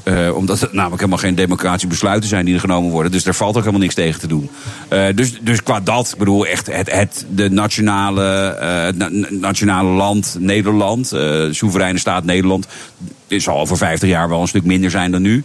Eh, maar het land als zich bestaat nog wel. Ja, VNL, het is niet geworden wat je wilde. Eh, Zou je het nog weer weer opnieuw, opnieuw willen proberen? Nee, moet je niet doen. Nee? Het is heel simpel. Eh, ik heb die kans gekregen. Ik heb die kans gepakt. Dat is niet gelukt. Op geloof ik 10.000 na, stemmen na heb ik geen zetel gehaald. Eh, dat Ja. betekent dus Dat dat... nam je jezelf ook kwalijk, hè, zag ik toen bij Jeroen Pauw. Dat je zei van ja, dan ben ik niet aansprekend genoeg geweest. Je trok Nou ja, het boetekleed aan toen, Nou ja, toch? ga je- luister, als je niet genoeg stemmen haalt, dan heb je iets verkeerd gedaan. Ik kan iedereen alles de schuld geven. Maar de- uiteindelijk heb ik als hoofdman of als leider van die, van die eh, organisatie ni- niet de stemmen binnengehaald. Dus daar ben ik verantwoordelijk. Zo Ja. simpel is het. Ja, ik kan er ook iets maar moois van tweede maken. kans pakken, dat zie je niet Ja, zitten. ik vind het een beetje triest. Eh, daarbij, eh, zo'n 80% van ons eh, partijprogramma is, eh, eh, bestaat ook bij het, eh, in het partijprogramma voor Vorm voor Democratie. Ja. Dus, dus dan. En- Ja, En je bent nog blij ook, want ik las ergens anders dat je zei van... nou, ik ben, als ik nu naar Baudet kijk, blij dat we helemaal geen zetel hebben gekregen. Want zoals die man gedemoniseerd wordt, ik zou het niet willen meemaken. Nou ja, kijk, ik, ik ben eh, eh, door mijn werk voor, voor Poten voor Geen Stijl... eh, va- vaak met de dood bedreigd. op, op de meest nare manieren. Maar op het moment natuurlijk de mensen je, je deur van je huis gaan onderkladden... en reken maar dat die man gewoon tegenwoordig 24-7 bewaakt wordt... Eh, weet je, dat je vandaag alweer ziet dat de rode hoed de ramen worden ingegooid... en stop fascisme. Eh, ja, je, je bent gewoon, eh, je bent gewoon de Dus sjaak. eigenlijk ben je blij dat het niet gelukt is. Nou, ik heb mijn ambitie niet kunnen uitvoeren en daar baal ik nog steeds van. Alleen, het is wel een ambitie wat, wat een gevaarlijke kant heeft in dit land. Ehm, en als je dan ziet dat zo'n Thierry eh, eh, ja, eigenlijk niet meer normaal leven kan leiden naast zijn werk, dan ben ik daar niet jaloers op. Nee. Ehm, je hebt het over je eigen ambitie. Daar hebben we al een paar keer over gesproken. Onder andere met die documentaire. Je zou ook heel graag een politiek voetbal in achterprogramma willen maken. Ja, dat lijkt me een fantastisch concept. Eh, daar heb ik eh, eh, vaak over nagedacht en over, over gebrainstormd. Ehm, Voetbal Insight vind ik een fantastisch programma. Ehm, alleen wat je vaak ziet is dat hè, als het even van het voetbal afgaat... een maatschappelijke probleem wordt besproken... dat, dat, het, eh, ja, dat gelijk wat feller wordt. Ja. En er, zijn natuurlijk, er gebeuren zoveel rare dingen. Er zou niets mooier zijn eh, dan, dan dat concept uit te voeren in de politiek. Ehm, en eh, nogmaals, ik denk dat jij daar de, de uitgesproken presentator voor bent. Ehm, en, en ik zou daar wel een, eh, een positie aan die tafel willen hebben. Want, want wat god, god, wat gebeuren er allemaal rare dingen in Maar wie land. zou je er nog meer bij kunnen voorstellen dan? Om het wel een beetje in evenwicht te houden. Want het moet niet één kant op slaan natuurlijk dan. Nou ja, dan moet je een beetje een emotionele koekenbakker erbij zetten. Zoals? Ja, god, eh, wat dacht je van Dolph Jansen? Ja? ja, dat, dat, dat wordt wel elke week wordt het helemaal fantastisch. Ja. Ja, die, die, die begint altijd bij- bij- bijna te huilen. En Novip erbij halen Ja, ja. En, die, en, en ja die, die, die man die bedoelt vast goed ergens. Maar die, die, wil zo graag deugen dat het bijna niet meer deugt, weet je wel. Ja, dat is fantastisch. Zo'n zo'n type er tegenover. En jij dan eh, met je gorddroge vraagstelling. En dan moeten we een jonge hond eh, à la Poont, geen stijl, naar Den Haag sturen voor interviewtjes. Ja, dat wordt een fantastisch programma. Je ziet het helemaal voor je al, Ja, hè? ik zie het hartstikke voor me. Ik, Ja. ik, ik- ik- dat die er niet is, is belachelijk. Nou ja, Dus- misschien eh, voor de mensen die nu luisteren om over na te denken. eh, ik, Nou ja, ik ken ja. iemand die, die misschien ook wel leuk of zoiets zou vinden. Hè? Nou, ik zou, als ik jou was jouw nieuwe suikerkam John eh, eens bellen. Zeggen, Jantje heeft een goed programma. Ja. Ja. Ik zal het eens aan hem voorleggen, inderdaad. Je, je zei voordat we, vlak voordat we op zender kwamen, een beetje positief eindigen. Waarom zei je dat eigenlijk tegen mij? Nou, omdat ik ehm, eh, ook moe word van mezelf. Dat het altijd. eh, ik, word, ik word stelselmatig in het negatieve getrokken door anderen. Eh, maar dat komt door mijn eigen toedoen. En ehm, ik, ik, ik ben er wel een beetje, eh, zeker aan het politieke avontuur en al al bagger die er over me heen is gekomen, ben ik ook een beetje veranderd als mens. Ja, dat klinkt een beetje, een beetje truttig, maar ik, ja, ik, ik, ik alleen maar negatief, alleen maar zeiken, daar, daar ga je de wereld echt niet mee redden. Nee. Dus, ik je wilt ook vinden- aangegeven dat er- is een nieuwe Jan Roos. Dat wil je ook aangeven. Nee, zeker niet. Jouw bestaan nog wel. Alleen Ja. wel even iets meer dan, dan alleen maar alles is kut. Ja. Want er is heel, heel veel gewoon leuk. Ja. Het is wel leuk om te horen aan het eind van deze uitzending. Toch voor al die mensen ook die de potentie voor jou misschien al die tijd wel hebben gezien, maar het niet aandurfden nu denken: hé, hey, wacht eens even. Dat kan dus wel. Hey, goed, kijk, ik heb, ik heb eh, vijf jaar lang een ongelooflijk succesvol radioprogramma op Radio 1 Dan gehad. ga je weer te verdedigen. Dat moet je niet doen, Jan. Ik leg nee, even maar, uit dat nee, je. maar luister, eh, als je, als je de potentie niet ziet in me, ja, dat, dat kan. Maar eh, ja, dan, dan ben je wel van het niveautje Vincent Bijlo. Of moet ik nou weer... Nou, je bent lekker bescheiden geëindigd. Ik bedank je hartelijk, Jan. We zitten volgende week trouwens in Al- Algarve. Wist je dat? Vijf uur moeten we vertrekken. ik Toen ga je er dat graag heen, joh. Ik, Ja? ik, eh, vriend van mij, Erik de Vlieger, die woont daar. Ik Die ga- gaat mee. Die zit in uitzending. Nou ja, dat begrijp ik wel. Die, die woont daar. Ik ga er vaak heen. Algarve is helemaal te gek. En Portugal is een fantastisch land. Toei regelt dat Lekker goed. eten. Ja. En, hey, en een groene wijn moet je drinken. Hè? Ja? De ik Vino weet, niet of, Verde. ik weet niet of Tiel dat geregeld heeft, maar verder hebben ze alles goed. Kost geen moer We en zaten in Amsterdam Boothuis trouwens. Dat is goed, jongen. Hey. Waar zat je? Nou ja, hier zaten we gewoon in Amsterdam Boothuis. Mocht u een keer langs willen gaan, moet u dat zeker doen. Echt een toplocatie. Volgende week dus met Toei vanuit Algarve. Tot dan, dag. Goedemorgen, Amsterdam. No. Nee, ja, u bent in Friesland. That was a mistake. And I'm sorry for it. Ja, daar moest hij natuurlijk mee beginnen. Ja, nou ja, dat, dat lijkt vooral te komen door wat eh, Kim Jong-un vorige week zei. Hè. Die eh, gaf toen aan dat hij niet van plan is om zijn eh, nucleaire programma eigenlijk zomaar bij het oud vuil te zetten. Er is eigenlijk maar één oplossing en dat is gewoon die importtarieven van tafel. Alleen het is wel heel erg meten met, met twee maten. Dat in de horeca die verantwoordelijkheid voor die openbare orde direct bij die ondernemer neer wordt gelegd. Juridische proces loopt in principe nog, eh, want er is ook nog een uitgebreidere procedure waartegen wij weer in hoger beroep zijn gegaan. De OM moet eerst even precies beoordelen in deze casus wat er nou aan de hand is. En belangrijker nog, Shell heeft vandaag van alle grote beleggers gehoord. Die hebben een ambitie, maar jullie moeten nu echt doelen gaan stellen. Dat is een koffiedik kijken, we weten het gewoon niet zeker. Oh, goedemorgen Friesland, welkom. Um, I want to be sensitive to time because we're 15 minutes over. Tot teleurstelling van de parlementariërs. We weten wel dat de Russen kennelijk niet mee hebben gewerkt aan de ja, informatieopdracht. Oftewel de 53e brigade uit Koersk in de Russische Federatie. En die conclusie is zeker zeer ernstig. en dat zouden ook cyber-experts kunnen zijn. Dus een vrij onverstandige lange neus. Ik stel vast dat wij informatie die cruciaal is niet hebben gehad. Maar ook omdat ik denk dat uh, de, zeker de binnenstad is gewoon niet gebouwd op zoveel auto's. Nobody should be anxious. We have to get it right. En dat hele boek is gebaseerd op die drogreden, dus overschat het niet. Interessant dat de heer Baudet nu wel in een politiek debat wil praten over boeken. Dat is grappig. Goedemorgen, Amsterdam. No. Nee, ja, u bent in Friesland. Dus uh, de huren moeten omlaag. Frankly, it has a chance to be a great, great meeting for North Korea.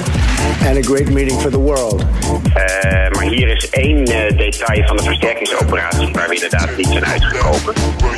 Whether or not it happens, if it does, that'll be great. It'll be a great thing for North Korea. And if it doesn't, that's okay too. Whatever it is, it is. En aan. And I'm sorry. En wat niet zeggende goede bedoelingen kon hij weer vertrekken. It's good to be back in Europe. Bravo. Now is the mistake. The Friday Move wordt mede mogelijk gemaakt door TUI. Discover your smile. Verdienen jouw medewerkers de beste HR-service? Wij vinden van wel. Numbers combineert payroll met slimme HR-features. Bespaar kosten en geef medewerkers eenvoudig toegang tot verlof, declaraties en loonstroken. Probeer Numbers op nmbrs.nl.